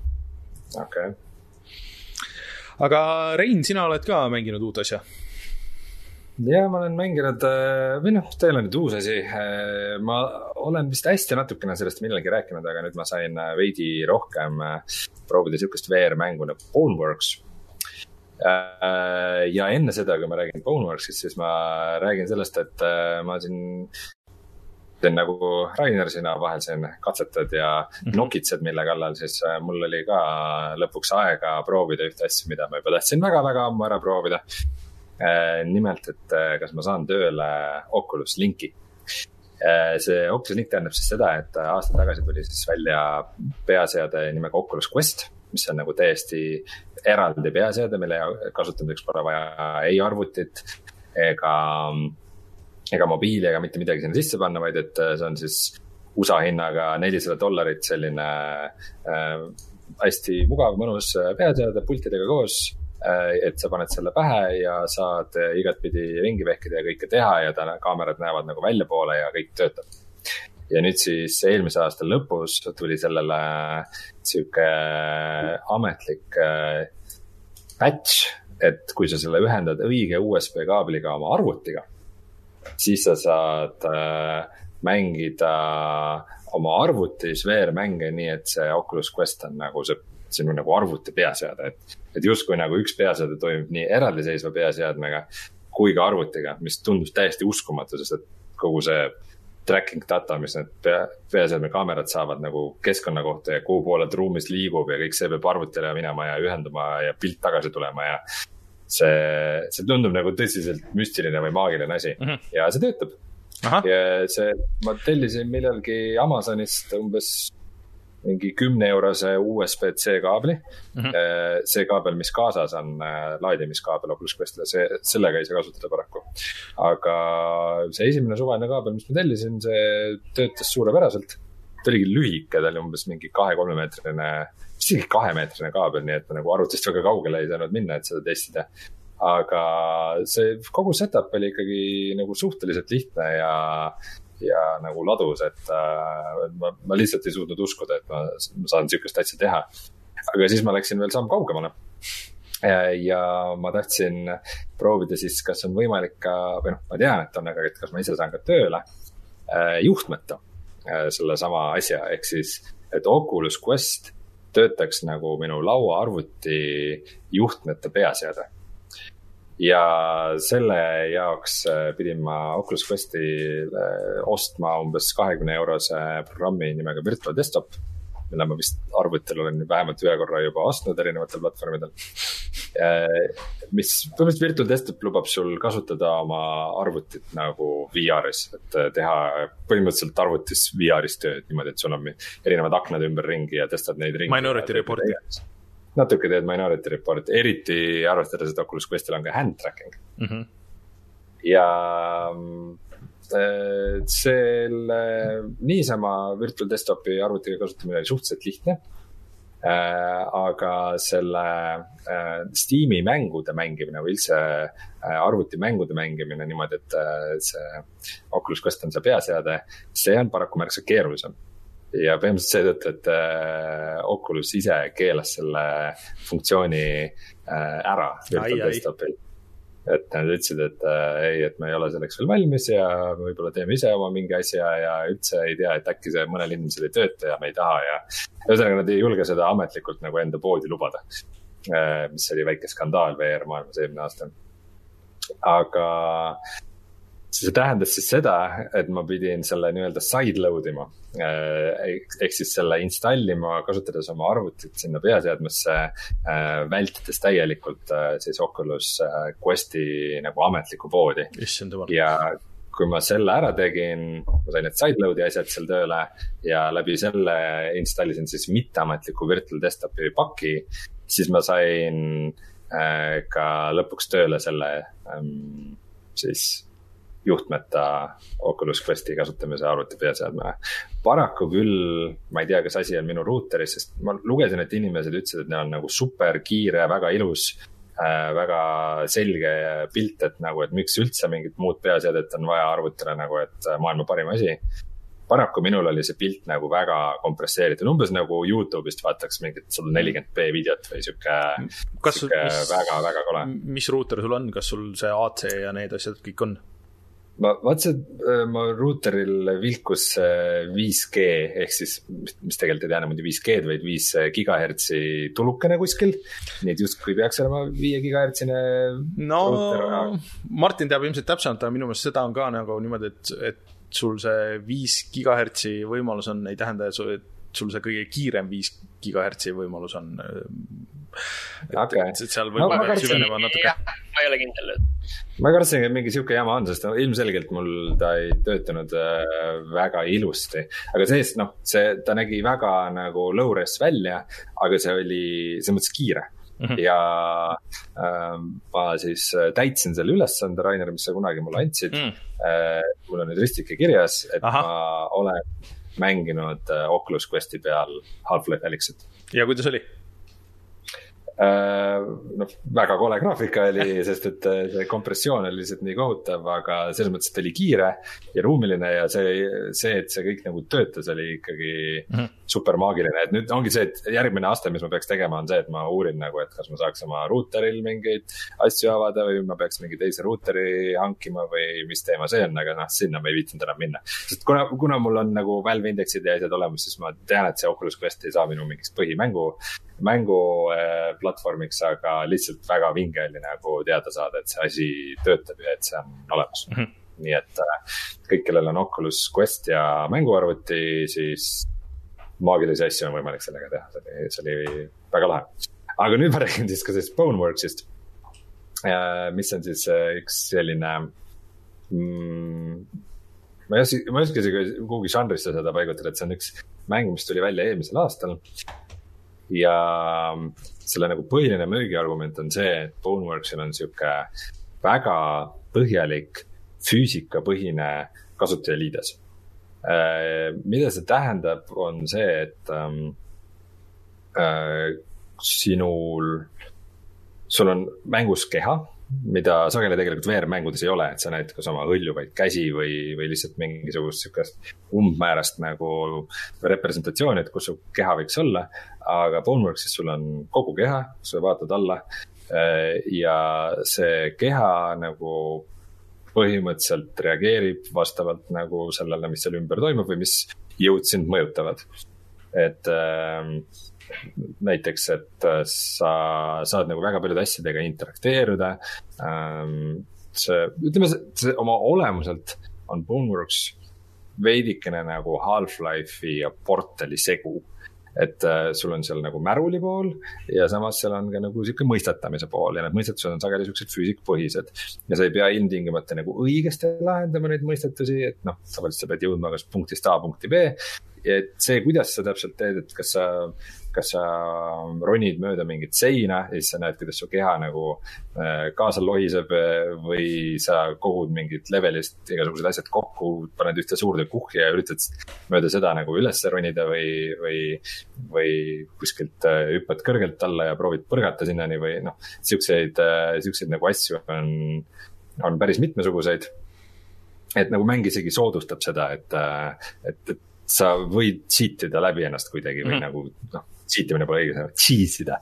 et, et kuidas iganes sa arvad, et sa mõistad tahad lahendada, et noh, et ei ole ainult, et sul on alati täpselt see üks meetod ja selles mõttes on see väga huvitav eksperiment, et äh, kui paljud VR-mängud ongi justkui suunatud nagu laiemale publikule ja ka nagu nendele, kes esimest korda proovivad VR-i, siis Spawnworks nagu üritab natukene minna kaugemale või mõtle, mõelda nagu edasi, et. Äh, et mis me üldse saaksime selle VR-iga nagu teha või mm -hmm. nagu, aga noh ütleme selle, seda mängides juba esimestes levelites mul läks vahepeal ikka süda päris pahaks. et see kindlasti ei ole sihuke mäng, mida ma soovitaks nagu. mulle. VR-võhikutele või siis sulle, noh, mitte veel sulle, võib-olla natuke aja pärast sulle. aga selles mõttes see on ikkagi väga nagu huvitav äh, projekt, mis äh, ütleme suudab natukene näidata, et kuhu poole nagu VR võiks minna või milleks, mis nagu VR-is võimalik on -hmm. et äh, et noh, et tuua, et tuua nagu mõned näited, et siis ähm, mängus on nagu päris palju relvi mm,. saad neid igale poole kaasa võtta ja, ja sul on ka nagu mõned vastased, kellega sa vahepeal pead võitlema. ja mm, põhimõtteliselt siis sa saad nagu teha mingisuguseid noh, vägevaid Äh, selliseid asju umbes, et ma ei tea, mingi vastane tuleb sinu poole, sa, sa vahepeal võtad automaadi teisest hoopis mingit torust kätte ja virutad talle vastu pead, et sul oleks rohkem aega relva laadida. Äh, sul on ka üks nupp, et äh, pöörata, panna tööle aegluup. Et justkui, aga see aegluup nagu mõjutab kõike maailmas mm -hmm. ja sealhulgas ka sind et, et see põhimõtteliselt, et kui sa teed mingi kiire liigutuse, selle ajal, kui see aeglupp on peal, siis su käsi nagu jõuab alles hiljem sinna kohta, kus su pult on. sest et sinu keha samamoodi allub nendele füüsikareeglitele või et äh, sa ma ei tea, et umbes sa saadki teha siis mingisuguseid asju, et äh, hüppad kusagilt alla ja, ja proovid mingisuguse jõuga ennast kuidagi mingisse teise kohta suunata või Äh, aga noh, samamoodi ka sinu relv laseb aeglasemalt, kui sa oled aegluubis, eks. vot see kõlab täpselt see, et mis kohe nagu mul südame pahaks ajaks. ja ütleme, et see mm, mäng üsna alguses ütleb ka, et, et see, see mäng või need, kogu need mehaanikad ja asjad toimivad ka paremini siis, kui sa ise nagu natukene mängid kaasa sellega rohkem, et äh, et, et, et sa ei üritagi teha nagu asju, mida see mäng ei luba, vaid sa ise justkui mängid seda karakterit, et. et kui sa tõstad mingit äh, rasket asja, siis sa pead seda tõstma kahe käega ja võib-olla nagu, et tee.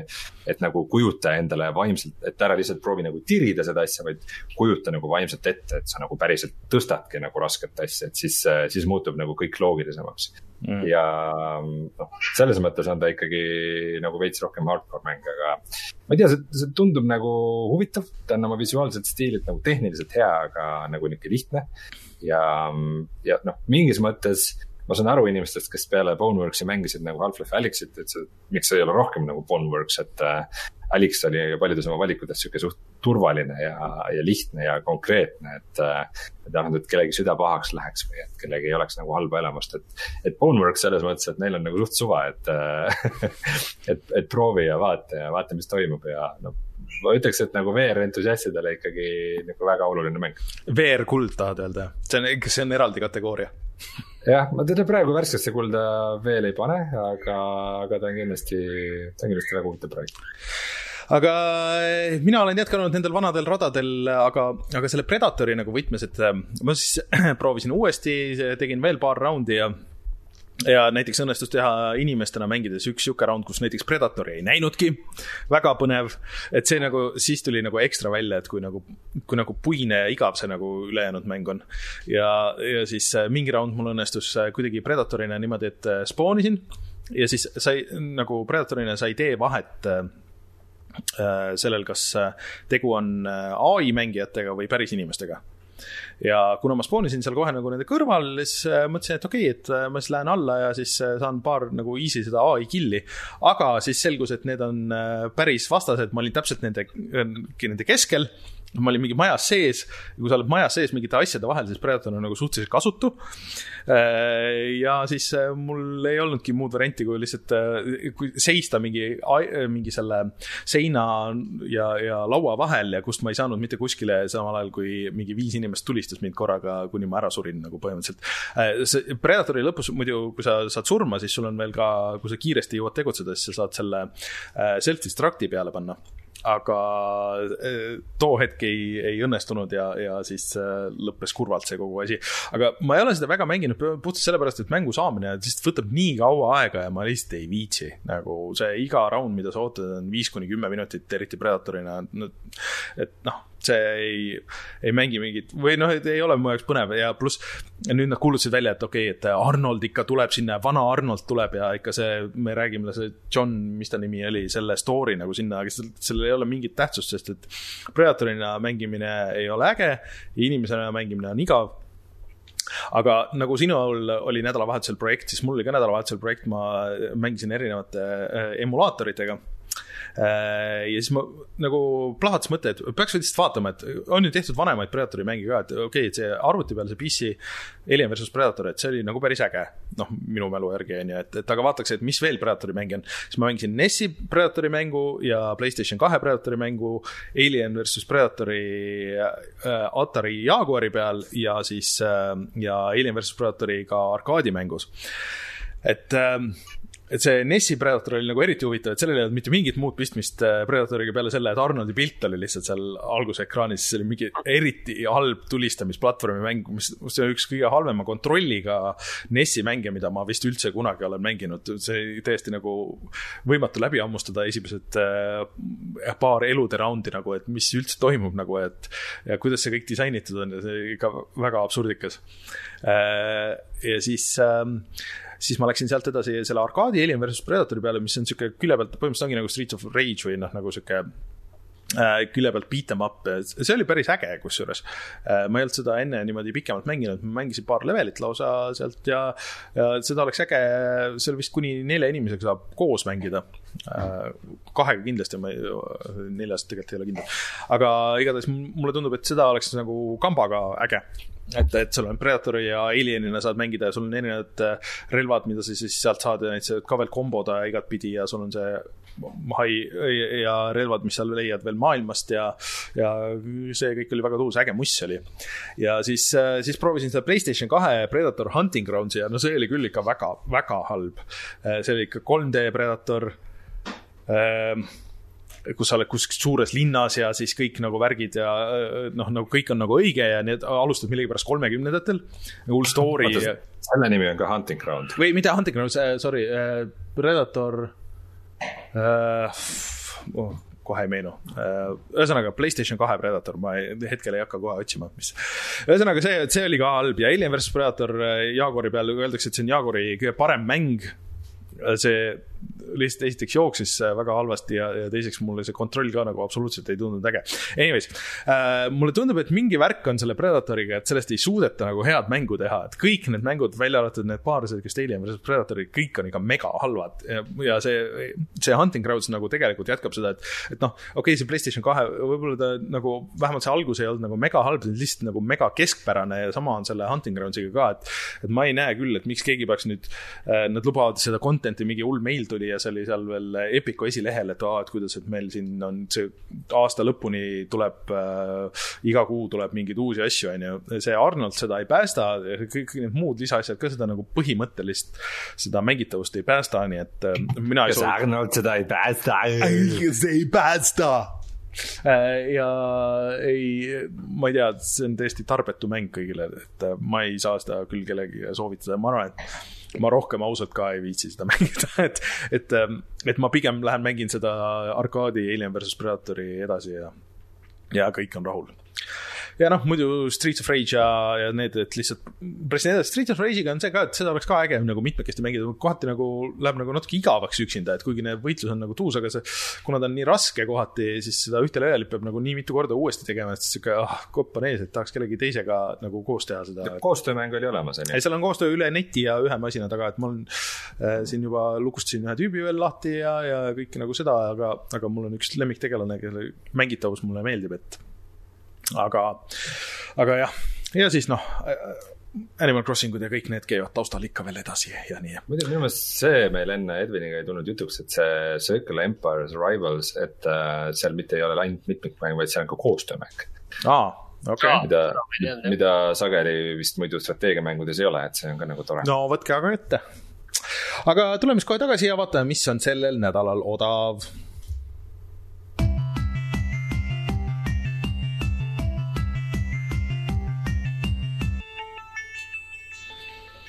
meil ei ole variante see nädal. mis võiks ütlen... olla parem kui odav ma ütlen selle kohe ära, et see nädal tõesti ei ole nagu eriti keeruline seda öelda, sellepärast et täiesti üllatuslikult tuli Thimbleweed Porkile tuli välja järg ah,. väike wow. selline eh, minijärg, mis on nagu üks episood sinna otsa, see on eraldiseisev, selleks ei ole põhimängu vaja ja see on Steamis juba saadaval tasuta. mina soovitan ah, proovida. see on siis põhjus, miks Epiku pood praegu on kokku jõudnud. tundub küll, jah. nii see on ja see on see asi, mida ma soovitan mängida selles mõttes, et see nagu jätkab lugu sealt, kus see pooleli jäi mm. ja see oh, wow. loo lõpp on väga vastuoluline. ma siiani ei tea, kas see mulle meeldis või mitte.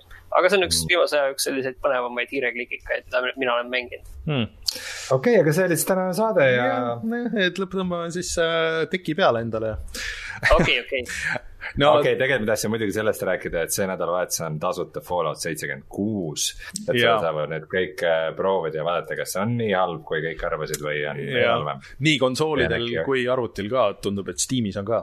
või on äkki isegi talutav eh, no kas see uus patch tegi nüüd selle mängitavaks äh, ärme räägi sellest, aga jah, äh, ja siis GTA viis on Epiku poes tasuta. tšau. siis on viies koopia mul GTA viiest või? et mul on olemas see Steam'i oma, kuskil seal taustas selle nagu füüsiliste plaatidena isegi nagu see, või tähendab arvutiversioon, siis on äh, Xbox, Playstation kolm või Xbox kolmsada kuuskümmend. sa ei pea seda võtma, sa ei pea seda võtma. no kuule, must oleks rumal ju, kui ma seda tasuta versiooni ei võtaks. no muidugi, võib-olla Steam mingi hetk kaob ära. no võib-olla. Siis on olemas. See on nagu varukoopia, see on eh, tu, eh, eh, tuleviku tarbeks seeme. Aga mm -hmm. tõmbame saate otsad siis kokku. suur tänu Edvinile, kes taaskord avas väga huvitavast küljest minu meelest Eesti mänguarendust ja siis äh, loodetavasti jah, siis järgmise küllakutsuga ei ole nelisada saadet vahel või midagi siukest. Äh, ja siis ähm, äh,. Eesti veel, mängude kuu jätkub. Eesti mängude kuu jätkub jah, kui veel ei ole, siis loodetavasti varsti on üleval Skyrose'i video veits retrot vahele. ja siis veel täpselt ei ole selge küll, kes järgmine nädal tuleb, aga variante on, nii et hoidke silm peal kõigil meie kanalitel ja siis me kuulutame kohe välja, kui on teada ja mina olin Rainer, minuga Rein ja Martin. kohtume järgmisel nädalal, tšau. tšau.